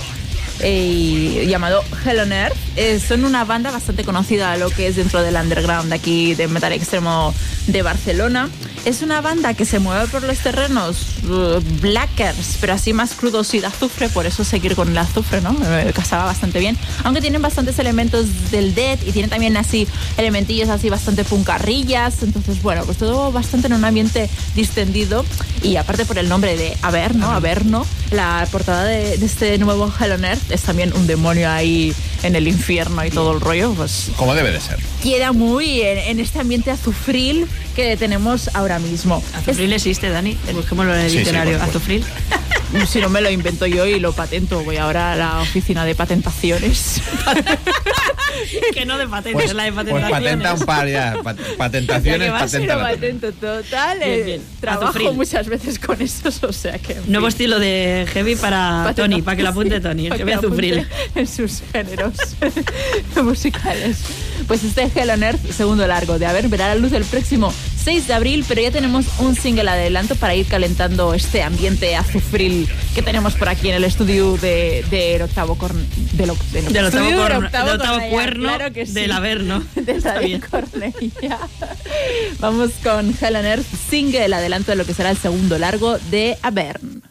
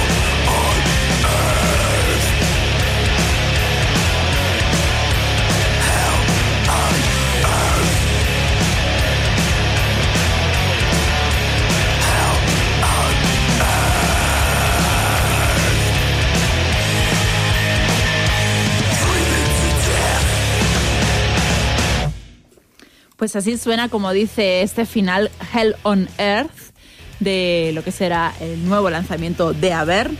Como les decía, azufre. hay Tienes mis elementos. dineros, sí, mis dineros. sí, sí. A mí me gusta mucho. Esa parte azufril blacker eh, con un poquito de death, un poquito así rollo puncarrilla. Me Una gusta. mezcla muy curiosa, muy buena y como digo, verá la luz el próximo 6 de abril. Ya están los pre-orders en las distintas redes sociales de la banda, en Bandcamp también, que el pasado viernes fue el Bandcamp Friday, ¿no? Este día donde cuando tú compras todo va directamente a las bandas sin que Bandcamp se quede un porcentaje Hombre, de la compra, que siempre es los primeros viernes de cada mes. Podéis aprovechar viendo la luz el día 6, pues Venga. os ponéis el recordatorio para el próximo mes. Y nada, pues ya a expensas y a las esperas de que también nos confirmen presentación en directo, que siempre mola verles en directo también. Pues sí, allí habrá que estar porque la verdad que ha sonado súper chulo, muy contundente, pero muy guapo. La verdad que tiene muchos elementos diferentes que lo hacen una propuesta muy especial. Sí, sí. Venga, pues yo me voy a otro lado totalmente distinto. Mm, No sé si es oscuridad, pero noto que en este programa está faltando uno de los estilos que yo escucho. ¿Metalcore? No, pues este lo pincho, básicamente. Pero en el programa de Pero hoy. uno que no había traído Ah, vale. en ningún programa anterior y también escucho bastante, que es el metal industrial. Bien. Venga. Eh, tenemos una banda que es una de las de los adalides del metal industrial patrio, que se llama Mind Driller. Y están, es una propuesta muy interesante porque tienen tres vocalistas. eh, diferentes, tienen tres idiomas diferentes, cantan en castellano, inglés y en alemán, y son de Alicante, mira, vecinos de, de aquí de Xenia, de la familia de Xenia, seguramente. No, no me ha pagado la familia de Xenia para que los pinche, ¿vale? No son familia de ella, no, fuera. Eh, la banda se formó en 2011 y tienen ya tres álbumes de estudio, Red Industrial del 2012, Circus del 2015, Involución del 2019, luego tienen el Involución con B, que es una vuelta de tuerca que le dieron en el 2021. Han tocado en festivales como en Leyendas, el Resu, el Rockfest, el Gineta Rock, pero ahora se han sacado, bueno, están sacando un nuevo disco y la verdad que me han generado una expectativa muy chula con el single que han sacado. No tenemos fecha del disco, no sabemos por dónde andará, está, hay bastante misterio, pero la verdad que el adelanto ya suena mucho a mezclas de cositas que nos gustan. Ministry, Rob Zombie, eh, Ramstein, hay... ¿Has, has- has hablado en plural? Sí, Sí, porque yo, me incluye yo a y mí. mi sombra. Ah, y me- vale, me vale, vale, incluye, vale. No, es que los catalanes esto lo hacemos mucho, ¿sabes? Hemos hablado. ¿Quién? Tú sola. No. Hem guanyat, hem guanyat avui. Esto lo hacemos mucho los catalanes. Bueno, que a mí me ha gustado mucho y ya está, tío. No pasa Punto. nada. Yo pincho las cosas que me gustan. Si co- eh, coincide que le gustan a otras personas del mundo mundial, pues mucho mejor. Si no, pues ya está.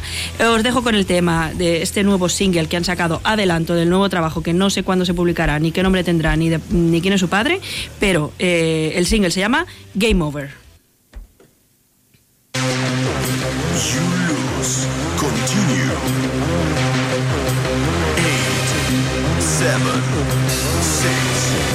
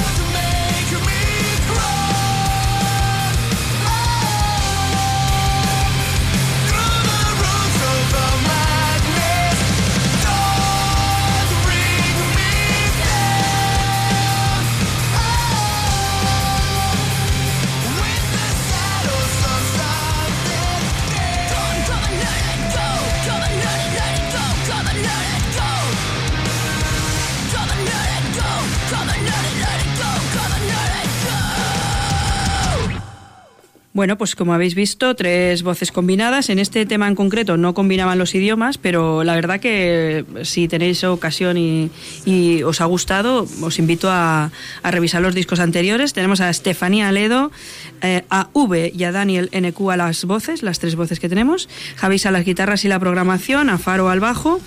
Faro es como faraón, ¿eh? Faro. Yo Ah, pasa vale. que lo pronunciaba así muy rápido, pero es Pharaoh, no sé cómo sería, faraón. Y Ramón Torregrosa a la batería. Eh, suenan mucho, ya os digo, si os gusta el rollete, sobre todo a Rozón Villa Ramstein, se parecen más. A Ministry tiene algunas cosas, lo que pasa es que Ministry, con las particularidades que tenían de usar sonidos industriales, no es exactamente ese el, el camino que siguen, ¿eh? Pero sí que en la programación, en las pistas, hay bastante electrónica, como podéis ver, pero la verdad que el metal industrial es un estilo que a lo mejor tocamos menos, pero que sigue teniendo adeptos hoy en día y que, mira, bandas de Alicante precisamente haciendo esto. Hay otras que ya iré trayendo en la península, pero de momento os traigo estos Mind Driller que la verdad que este adelanto me ha gustado mucho y si el disco va según el adelanto, posiblemente os pinche el disco cuando salga, allí cuando sea, la fecha que sea. Pues me parece estupendísimo. Que lo pinche yo y no te... Correcto. No, pero si te miras a nivel un poco eh, sociológico, está habiendo un resurgir de la electrónica en general. No digo en el metal, no ha llegado, pero en otros campos que es posible que esto llegue aquí. En el metal sí, también, ¿eh? Doy fe. Eh, estuve viendo a Bring Me The Horizon y la mitad del concierto es electrónica, ¿eh? Pero- está súper bien integrada en el metal. Sí, y es que pensaba, porque eso es culpa mía por no haberlo seguido, que la gente fue por recordar. ¿Sabes lo que te quiero decir? Es decir, hace años me gustaba Bring Me No es mi caso, ¿eh? Pero el ejemplo.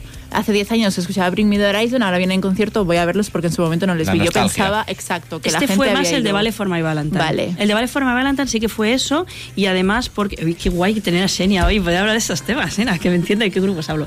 Eh, sobre todo porque habían venido poco a sala. Vale For My Valentine siempre había sido un grupo que había venido a un festival. Y entonces el rememorar ese momento de adolescencia escuchando Vale For My Valentine sí que pasó con ello. En Bring Me The Horizon menos porque lo que pasó es que trajeron una espectacularidad de escenario que era lo que atraía a la gente. Vale. Sí que podía haber gente de la nostalgia, pero en realidad lo que mm, llamaba el, el reclamo de esta gira de Bring Me The Horizon era el montaje. El show. Luego he visto otros shows de otros grupos también de británicos, bueno, eh, del Reino Unido, no voy a decir británicos porque las nacionalidades no las sé, pero del Reino Unido que están haciendo cosas similares, parece que es un tipo de espectáculo que se está llevando mucho eh, en esos grupos, pero realmente el de Bring Me The Horizon fue, o sea, tú entrabas en un juego virtual diferente y envolvente, súper chulo. O sea que, pero también, ya te digo que musicalmente la mitad era eh, electrónica ¿eh? y súper bien integrado. Pasa que, claro, todo depende también de en qué ámbitos nos movemos. Claro. a lo mejor con los weirditos y todo eso sí que has visto más electrónica. No, y, y en la fuera parte del dark. metal estoy viendo que las nuevas generaciones, igual que en moda está habiendo un resurgir de los 90 De los 2000, 90, en- mm. a nivel musical está pasando lo mismo, ¿sabes? Sí. Al final son modas y son ciclos y demás. Mm. Entonces, por eso le decía que seguro que repercute aquí, porque siempre acaba repercutiendo, es algo Mm. sociológico. Sí, sí. Así que estaremos ahí para pinchar la electrónica, Dani. Dani dice que no. Sí, no, no. Tengo la libertad de escucharlo o no. Vale. Eh, nos olvidamos de modas y nos vamos con eh, una banda que acaba de presentar su cuarto trabajo de estudio, banda de Denver, Colorado, eh, con sonoro nombre, que se ha comentado hoy en el grupo de Telegram. Hablo de Necropanther, cual me ha encantado. ¿Con K? ¿Necropanzer? ¿Con Ne- K? No, no, no, no. ¿Con no. C? Con C. Vale. O sea, no nos pasemos tampoco De de truismo, ¿no? Vale. Pues esta necropantera me ha saltado a la cara hace 24 horas y me ha abducido. Prácticamente con Betrayal, como digo, cuarto disco. Y eh, además, además, lo ha hecho de una manera curiosa porque creo que fusiona muy bien el thrash y el death melódico. Porque hay. Death melódico. Ay, Sí, Dios, sí, menos sí. mal que no está Tony. Está que has liado. Bueno, no creas, creo. Eh, lo he puesto en el grupo de Telegram, creo que le ha dado una escucha y no ha llorado, no ha llorado sangre. Vale. Por lo menos, lo cual está bien. En cualquier caso, me he lanzado por este Betrayal de Necropanther y me han dado un bofetón en la cara, ya que se abre así, One and Only.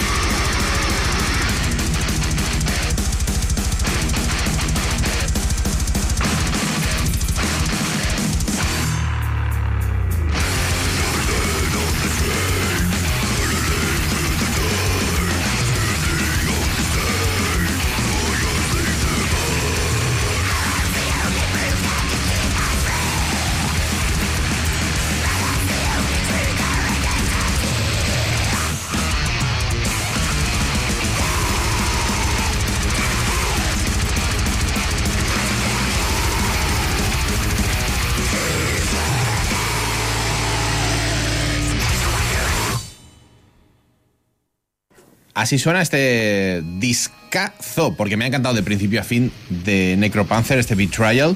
Nos eh, comentaba nuestro querido Marc Gutiérrez en, eh, en Telegram que el death melódico se lo han debido dejar para el tema siguiente. Así es, así es, porque es verdad que hay cierta heterogeneidad y se mueven un poquito entre, entre dos aguas, entre dos tierras estas. Pero es cierto que no está exento de melodía el disco y por eso supongo que me ha entrado bastante mejor. Me ha parecido una propuesta realmente interesante porque ahí sí es veloz, que es allo que Que le demando siempre mucho a este tipo ¿eh? de sí, este tipo de estilos y ya os digo que no los conocía, pero es de esos álbumes que me ha hecho venir muchas ganas de retroceder en la discografía de Necropanther e ir hacia, hacia atrás. The Doom City, Eyes of Blue Light, Necropanther, son sus tres discos anteriores. Betrayal, este disco que acaban de sacar hace 48 horas y que es un disparo en la cara, es una bofetada, es una patada en el pecho. Así que si os apetece mover un montón el cuello, la cabeza y levantar los puños en alto, ya habéis visto que esto es una propuesta fabulosa. Pues así lo hemos hecho. Y con su gritito Tomaraya también otra vez. Hoy tenemos noche temática. Tomaraya. ¿eh? Total.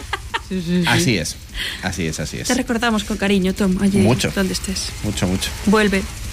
Pues yo es que aprovechando que Ima ha hecho mención a- al tema industrial, electrónica y tal, va, va a haber un momento Me, me está pidiendo Mar que ponga otra. Eh, que venga no, aquí él y la, ponga, hombre. ¡Buah! Buah, esto no ha salido como esperabas, Marc. Te retamos, Marc. Vente aquí al estudio de Radio Cornea y la pinchas. Vale, tienes ahí aún una hora para llegar y si no, la semana que viene estás invitado a venir aquí y poner lo que te guste. Lo siento, Marc, no era mi intención. Como decía, eh, esta semana, aparte de Megadeth, la gente que le gusta lo oscurito también ha disfrutado por una noticia que suena así.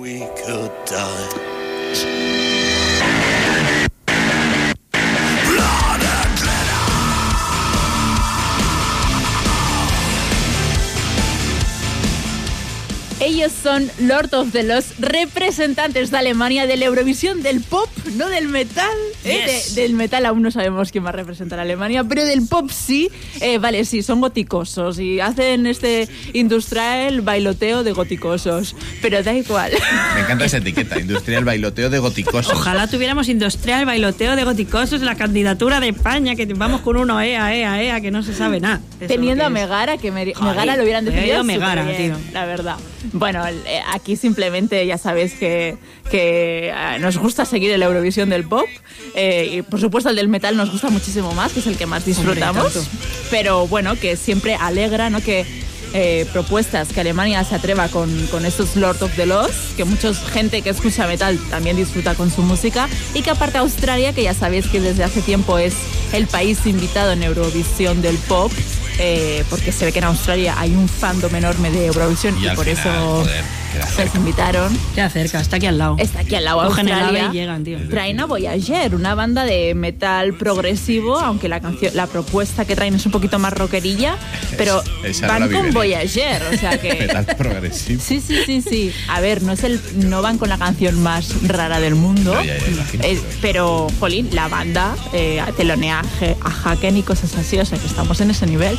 Ya son dos propuestas Joder. eh, que Back puede and gustar a los metalheads o seguidores de y que vale, sí, es un festival politiqueo, todo lo que vosotros queráis, me da absolutamente igual, pero a mí personalmente me hace ilusión. Pero luego No le país- toquéis Eurovisión. No me toquéis Eurovisión. Pero cada país se favor. lo toma a su rollo, que es lo que a mí me Exacto. parece guay. Sí. Hay países que se lo toman a cachondeo, como Finlandia, que te manda, igual te manda a los nórdicos, las abuelas de, que están al visillo tocando, y luego hay otros países que deciden pro- proponer, hacer propuestas alternativas. Y Yo solo quiero que vuelva Alf Boyer. Vale, ya está, esta ha sido la apunte de Dani. Eh, the mucho, Lost, de hecho, es una banda que lleva mm, un porrón de años ya tocando y que en el Backend lo petan y que en otros festivales lo petan. Entonces, eh, así como en España, lo que se hace es promocionar artistas nuevos que salen y que hay unos compositores detrás y unas compañías de discos que ponen sus penpins para que ellos salgan, pues en Alemania han optado por decir, mandamos a quien nos sale de la nariz. Y Es ya que, está. eh, y en Alemania cada año mandan cosas distintas. Sí. Claro, es que al final.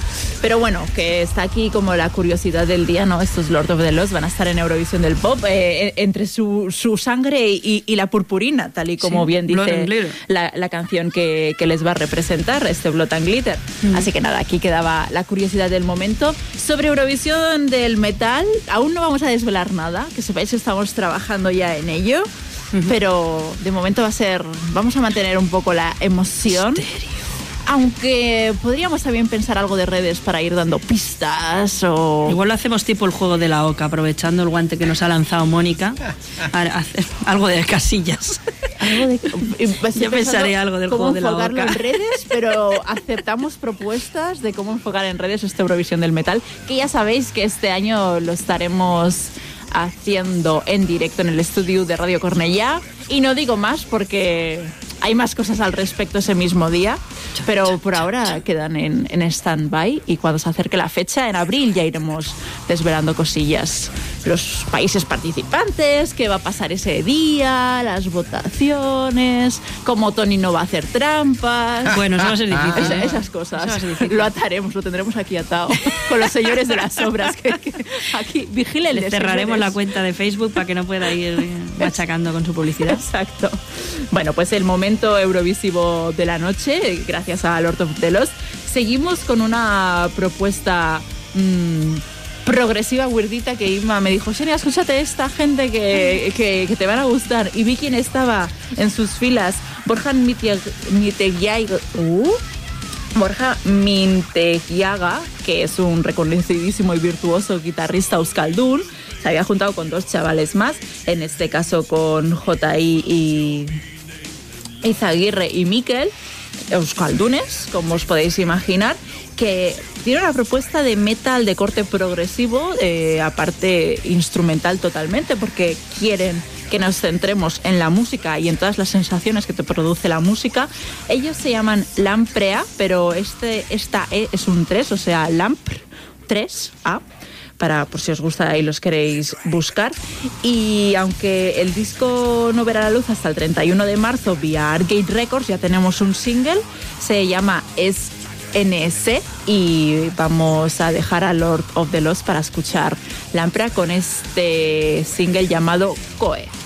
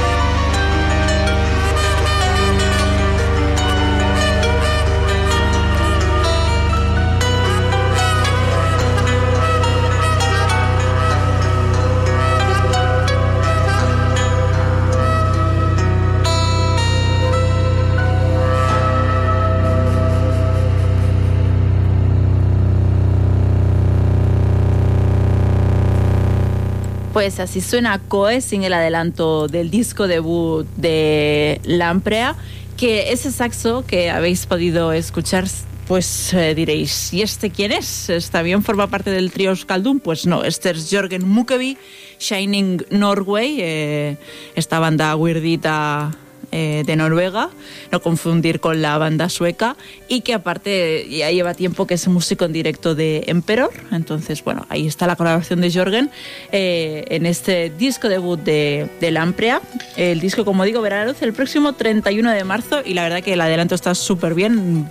A mí me da muchas ganas de, de poder mm, profundizar en este disco sin ser un estilo que yo sea súper prolífica y súper seguidora, pero creo que las canciones como que te atrapan bastante. Sí, tienen como bastante elementos particulares, ¿no? Que no ves normalmente en, el metal y está curioso. Y una atmósfera súper guay, me, me gusta mucho. Por cierto, me ha saltado un poco así a la cara que el eh, guitarrista, Borja Minteguiaga, sí. eh, Es un está enrolado en Balfegor. Sí, pensado, pero- A lo mejor lo he visto en directo. No, No, es no, no, no. posterior a que ve a, a que los viera yo a No, pero de. Borja eh, es súper buen guitarrista, lo llaman para hacer un montón de clinics, tiene Bueno, no un montón de cosas grabadas, o sea, es un tío que se dedica a la guitarra que desde hace mucho tiempo y es, es un crack. Pues llámalo, Sí. que venga a hacer una entrevista y nos explique el disco, hombre.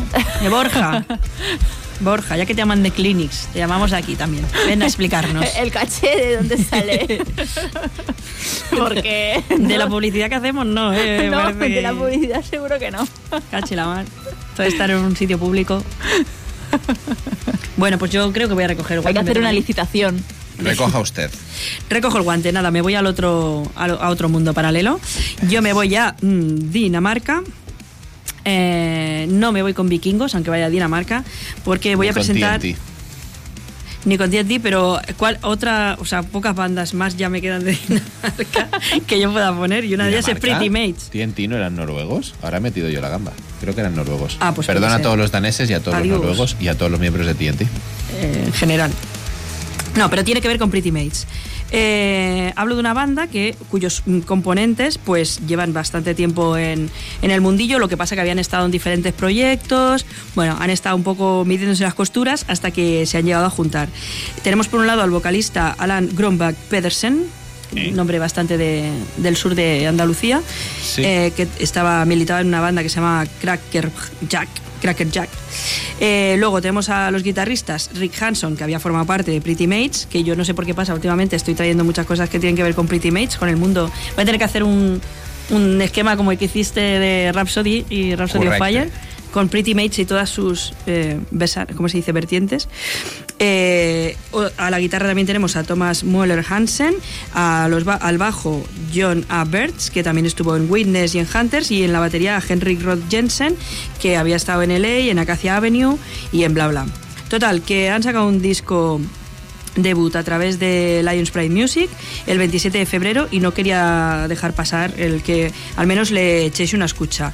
Eh, como os decía, llevan mucho tiempo, eh, pero la voz os va a sonar particular. Sí que es verdad que el cantante había estado cantando en grupos tributo a Deep Purple y a Thin Lizzy, pero a mí la voz me suena a otro vocalista, así que os lo pongo y a ver si en el chat o aquí en directo me sabéis o Sí, a ver si me sabéis decir a qué vocalista me recuerda, que eso es más difícil. O sea, una cosa es que recuerda a un vocalista, pero tenéis que adivinar al que me recuerda a mí. Buah, eso pides Que eso mucho. ya es otra cosa. ¿Vale? Entonces os dejo con Cold Drop y el tema Looking for Love. Thank you.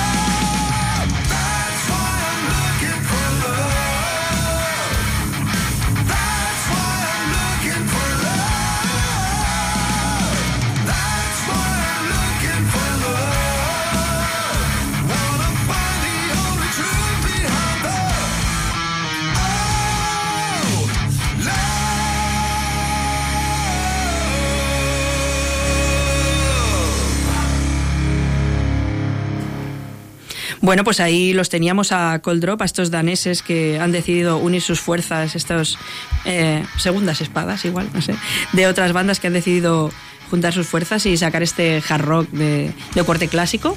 Eh, todo el disco es muy, muy agradable, muy, de muy fácil escucha. Y bueno, no sé si revelar a qué cantante me recuerda o Hombre. dejar un reel en TikTok. Co- Como, como tú quieras. Como tú quieras. Nah, lo dejo dicho porque además es que es tan claro y evidente que a la gente que le guste o que lo haya escuchado lo habrá visto y seguramente a la gente que no lo tenga tan escuchado pues le va a costar verlo porque definitivamente todos los giros y todos los agudos que hace son clavados a los de Paul Stanley de Kiss cuando Ese cantaba matiza, matiza. cuando eso. cantaba en Kiss. Eh, es decir, si, los- si lo habéis visto en los últimos eh, Rockfest, no es ese el Stanley del que hablo, ¿vale? Hablo del ¿Lo habéis visto en los últimos 35 años? Eh, mira, yo los últimos 35 no he tenido el gusto. Me hubiera gustado verlos más de los que los he visto, eso sí también te lo digo. Em, pero yo especialmente me gustaba mucho. Bueno, vosotros me comprendéis que yo vengo de una época en la que te bajabas toda la discografía de un grupo y te la ponías en el MP3 y ibas chutando. Entonces yo recuerdo tener la discografía de Kiss y los primeros discos, no, es que no te sé decir ni los nombres porque iban sonando, ¿no? Me gustaba mucho y luego llegaba un punto que decía. Esta música está guay, me llama, pero ya es menos setentera. Pues lo- los primeros, los setenteros de Kiss me gustaban mucho. Pero bueno, eh, todo el mundo hace sus evoluciones musicales y yo no estoy aquí en la tesitura de decirle a nadie que por dónde no tiene que ir, y menos aquí, es que gana más dinero que yo. O sea, gana en un día más dinero que yo en todo el año. O sea, no les pienso decir lo que tienen que hacer. Pero en el chat te dicen que muy chulos Cold Drop.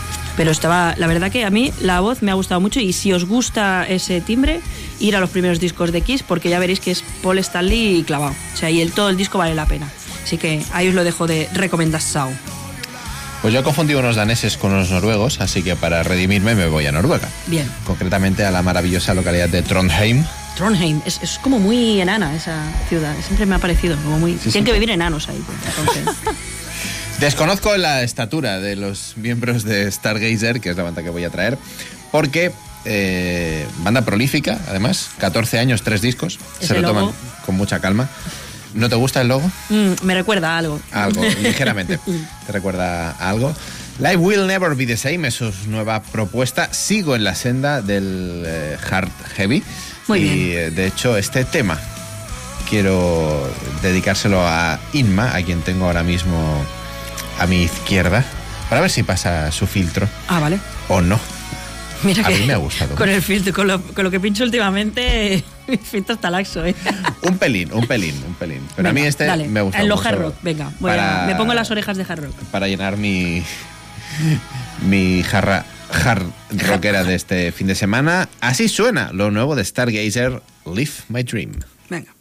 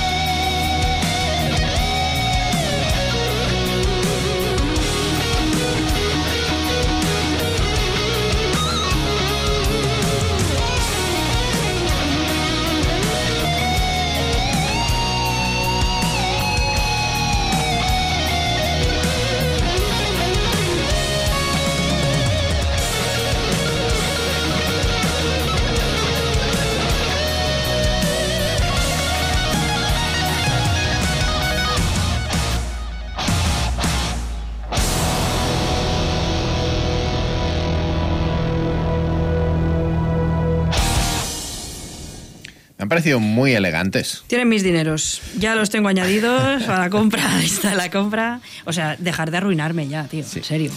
Muchísima elegancia en, en estos Stargazer, que es algo que yo le pido siempre al hard rock. Me han eh, encantado. Nos apuntaba Mark en el chat de Telegram que, eh, aparte que le han gustado, que los edita y así es. Mike to Music, que es un sello que siempre nos trae calité. Irma, ¿han aprobado este tema? Ha aprobado, pero no sobrado. Vale, jolín, es que no se puede decir nada No, micro no cerrado, puede macho. Todo nada. sale luego a la luz. No, lo que está diciendo es que el primer solo me ha parecido un poco menos fluido y el segundo era mucho más chulo, más brillante. Ha sabido. O sea, el primero era como de lucimiento y ha quedado más mal realmente, porque como que intentaba meter muchas notas a la vez y ha quedado Mm. Sí. atropellado. Pero el segundo, que le ha dado un poco más de melodía, ha quedado más chulo. O sea que. Pero bueno, que la, la voz y todo me ha encantado. O sea, ya los tengo añadidos a la lista, así que. Mis dieces, mis dieces. Desde 2019 no escuchábamos a Stargazer y lo cierto es que han hecho un comeback realmente chulo. Life will never be the same. No sé si será the same para ellos, pero a mí me han encantado. Pues sí, vamos a tirar para atrás. para- Yo me voy a escuchar todo lo que pille ya de esta gente. Tienen dos discos, o sea, fácil. Acaba 2009-2019. No lo sé, porque se les ve granaditos, ¿eh? A lo mejor tienen alguna cosilla con otros proyectos. He algo investigado así. y no, parece aparece- mucho, pero bueno. Vale, me, me alegro, porque así me gasto menos dinero. Sí, sí. Gracias.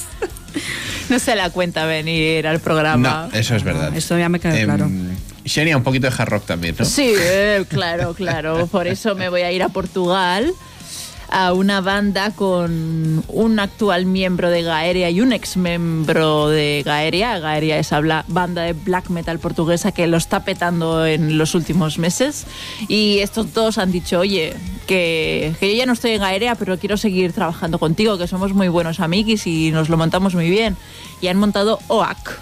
OAC, tal y como suena, con K de kilo, OAK. Suena palabra de euskera.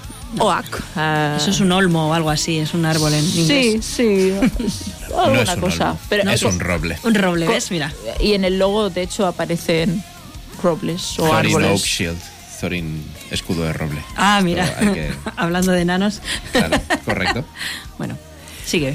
Pues esta gente han dicho, oye, con el boom de Gaeria que tenemos un sello tan bajo como Season of Mist, vamos aquí a presentarle a Season of Mist mi otro proyecto. A ver si- de- a ver si cuela también. cuela y Season of Mist ha dicho, cuela, cuela. El proyecto en cuestión, lo digo, estos OAK hacen una mezcla de Death Doom Metal. En ocasiones hay elementos del funeral y del ambient, pero predomina sobre todo este Death Doom.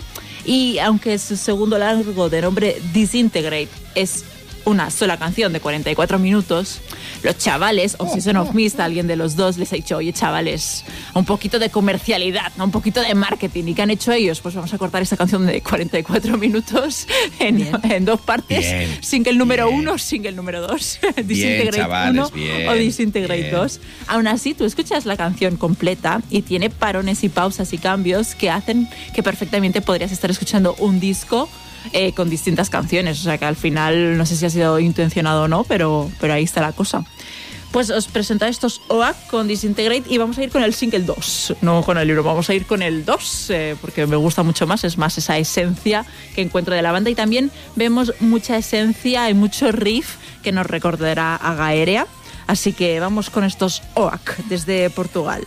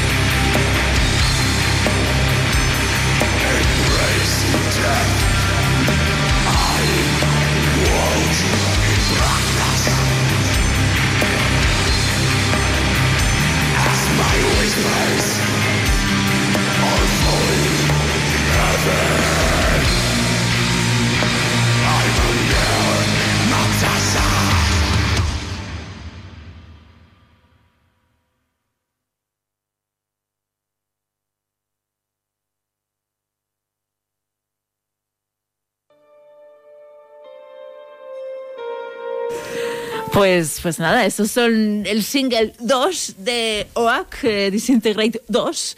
Ahora empezaba a sonar el 1. Como os digo, eh, pese a hacer un death mm, doom así corte denso, hay algún rifecillo que recuerda a Gaerea.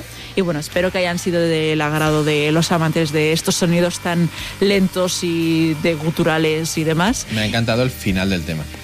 Eh, porque se ha acabado, ¿verdad? El- sí. Claro, Dani, se te estaba viendo la cara.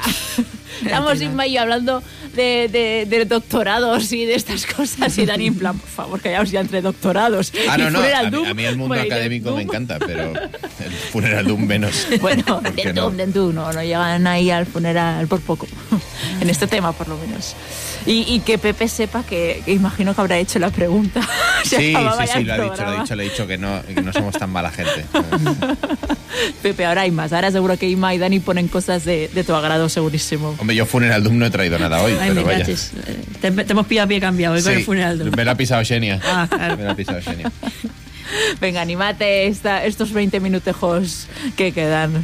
Venga. Con, con algo bailable. Cualquier cosa que pongamos, Sí. Xenia animará esto, Por seguro, eso, después de poner eso. funeral Doom. Lo tenéis fácil. ¿Voy yo vas tú? Va usted. Voy yo, vale. Ah, me hablas de usted, a ver si voy a, pensar que. Eh, como pongo a veces ustedes en el chat y se me acusa de que me han robado el móvil.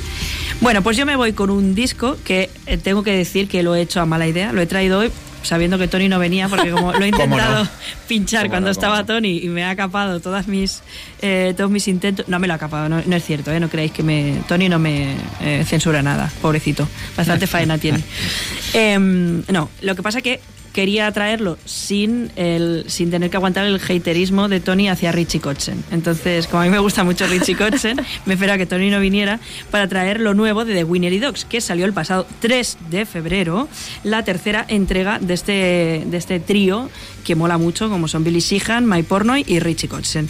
Bueno, como ya sabéis, y si no lo sabéis os lo vuelvo a explicar, aunque soy muy brasas con este tema, el proyecto había empezado por Billy Sheehan y Mike Pornoy, fueron buscando como son los dos pues del carácter práctico, fueron buscando un guitarrista que cantara, porque tampoco querían pagar mucho dinero, o sea, querían que alguien que lo hiciera todo, un hombre orquesta, y se encontraron con Richie Kotzen, que no solo mm, es guitarrista y canta muy bien, además toca el bajo y toca la batería, y además compone y es hiperactivo, lo cual hizo que durante el confinamiento no solo se sacara un disco que hizo de celebración de sus 50 años, hizo eh, cincu- eh, 50 for 50, creo que le llamaba, 50 para los 50, que sacó un disco con 50 temas para celebrar que cumplía 50 años. Eh, además sacó...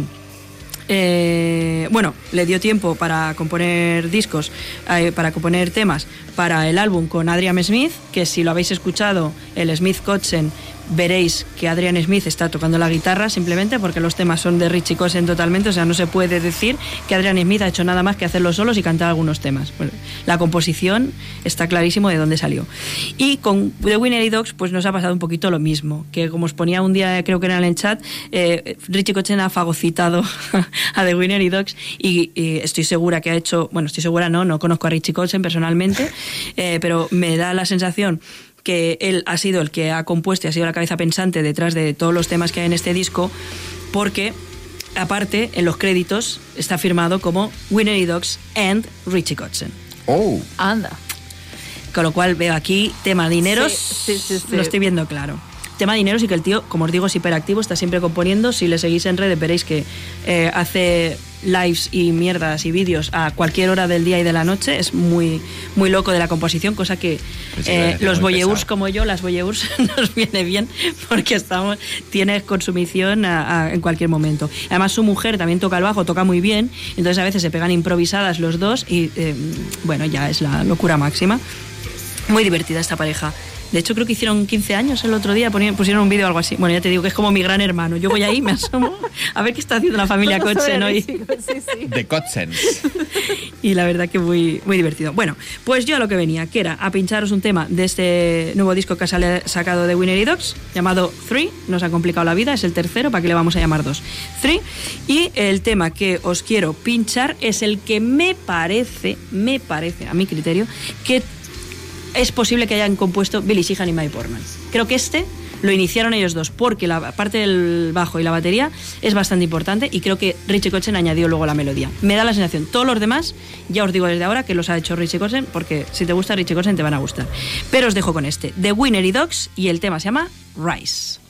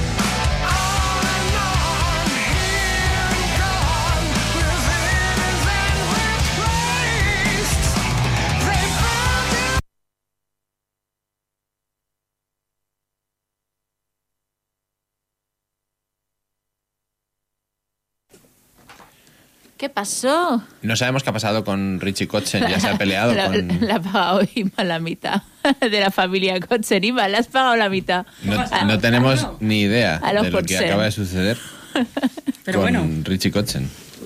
Eso ha sido Tony que me ha troleado, ¿no?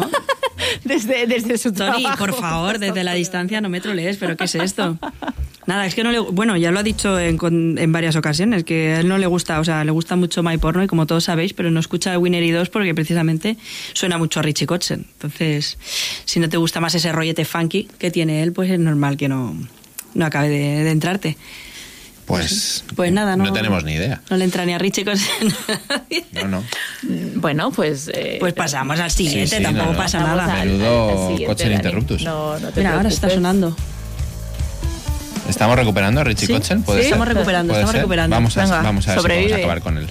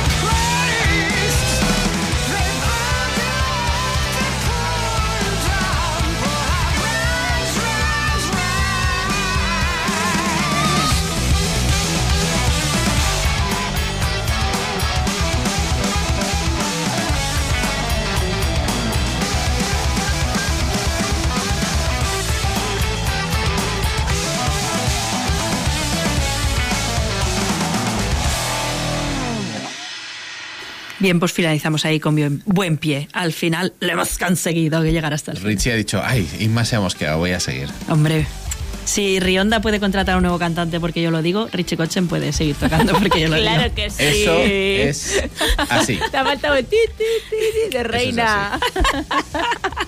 Absolutamente. Pues cuando faltan apenas 10 minutitos para finiquitar el octavo día de hoy, Xenia, vamos diciendo adiós. Vale. Prácticamente, ¿no? Venga, decimos adiós, Dani, con, con tu Adiós. propuesta. Ah, Adiós. Perdón. Sí, mi propuesta es Adiós, algo Dani. que nos, nos, Adiós, Xenia. Adiós, Dani.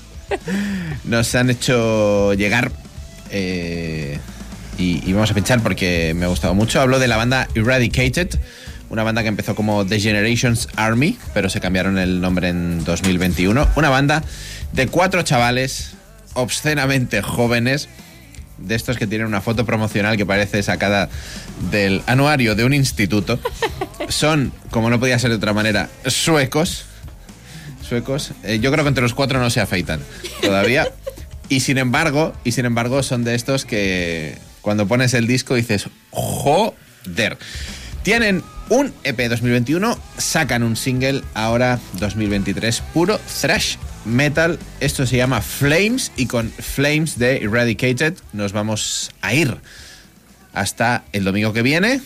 Seguidnos en todas las redes sociales. Estad atentos y atentas que viene Eurovisión del Metal. Exacto. Bueno, aún queda un poquito. Bueno, pero vamos a ir, como hemos dicho antes, dejando Vale. alguna Alguna cosa. perlita, Bueno, pero- alguna cosita por aquí, Sí, una pero- pistita por allá. Sí, tenemos que pensarlo bien. Sí, sí. sí, sí. Sin duda, sin Perlitas duda. Así que dejamos. nada, yo con Eradicated me despido hasta el domingo que Hasta viene. la semana que viene. Pues nada, como siempre, gracias por escucharnos y nos vamos a ritmo de thrash metal. Adiós.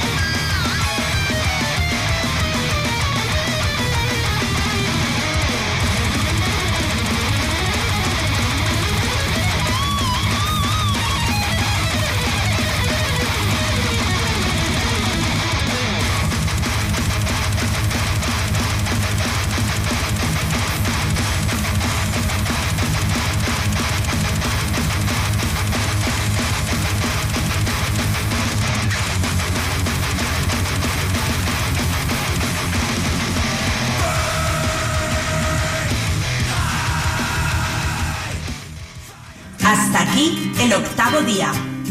Te esperamos el próximo programa con lo mejor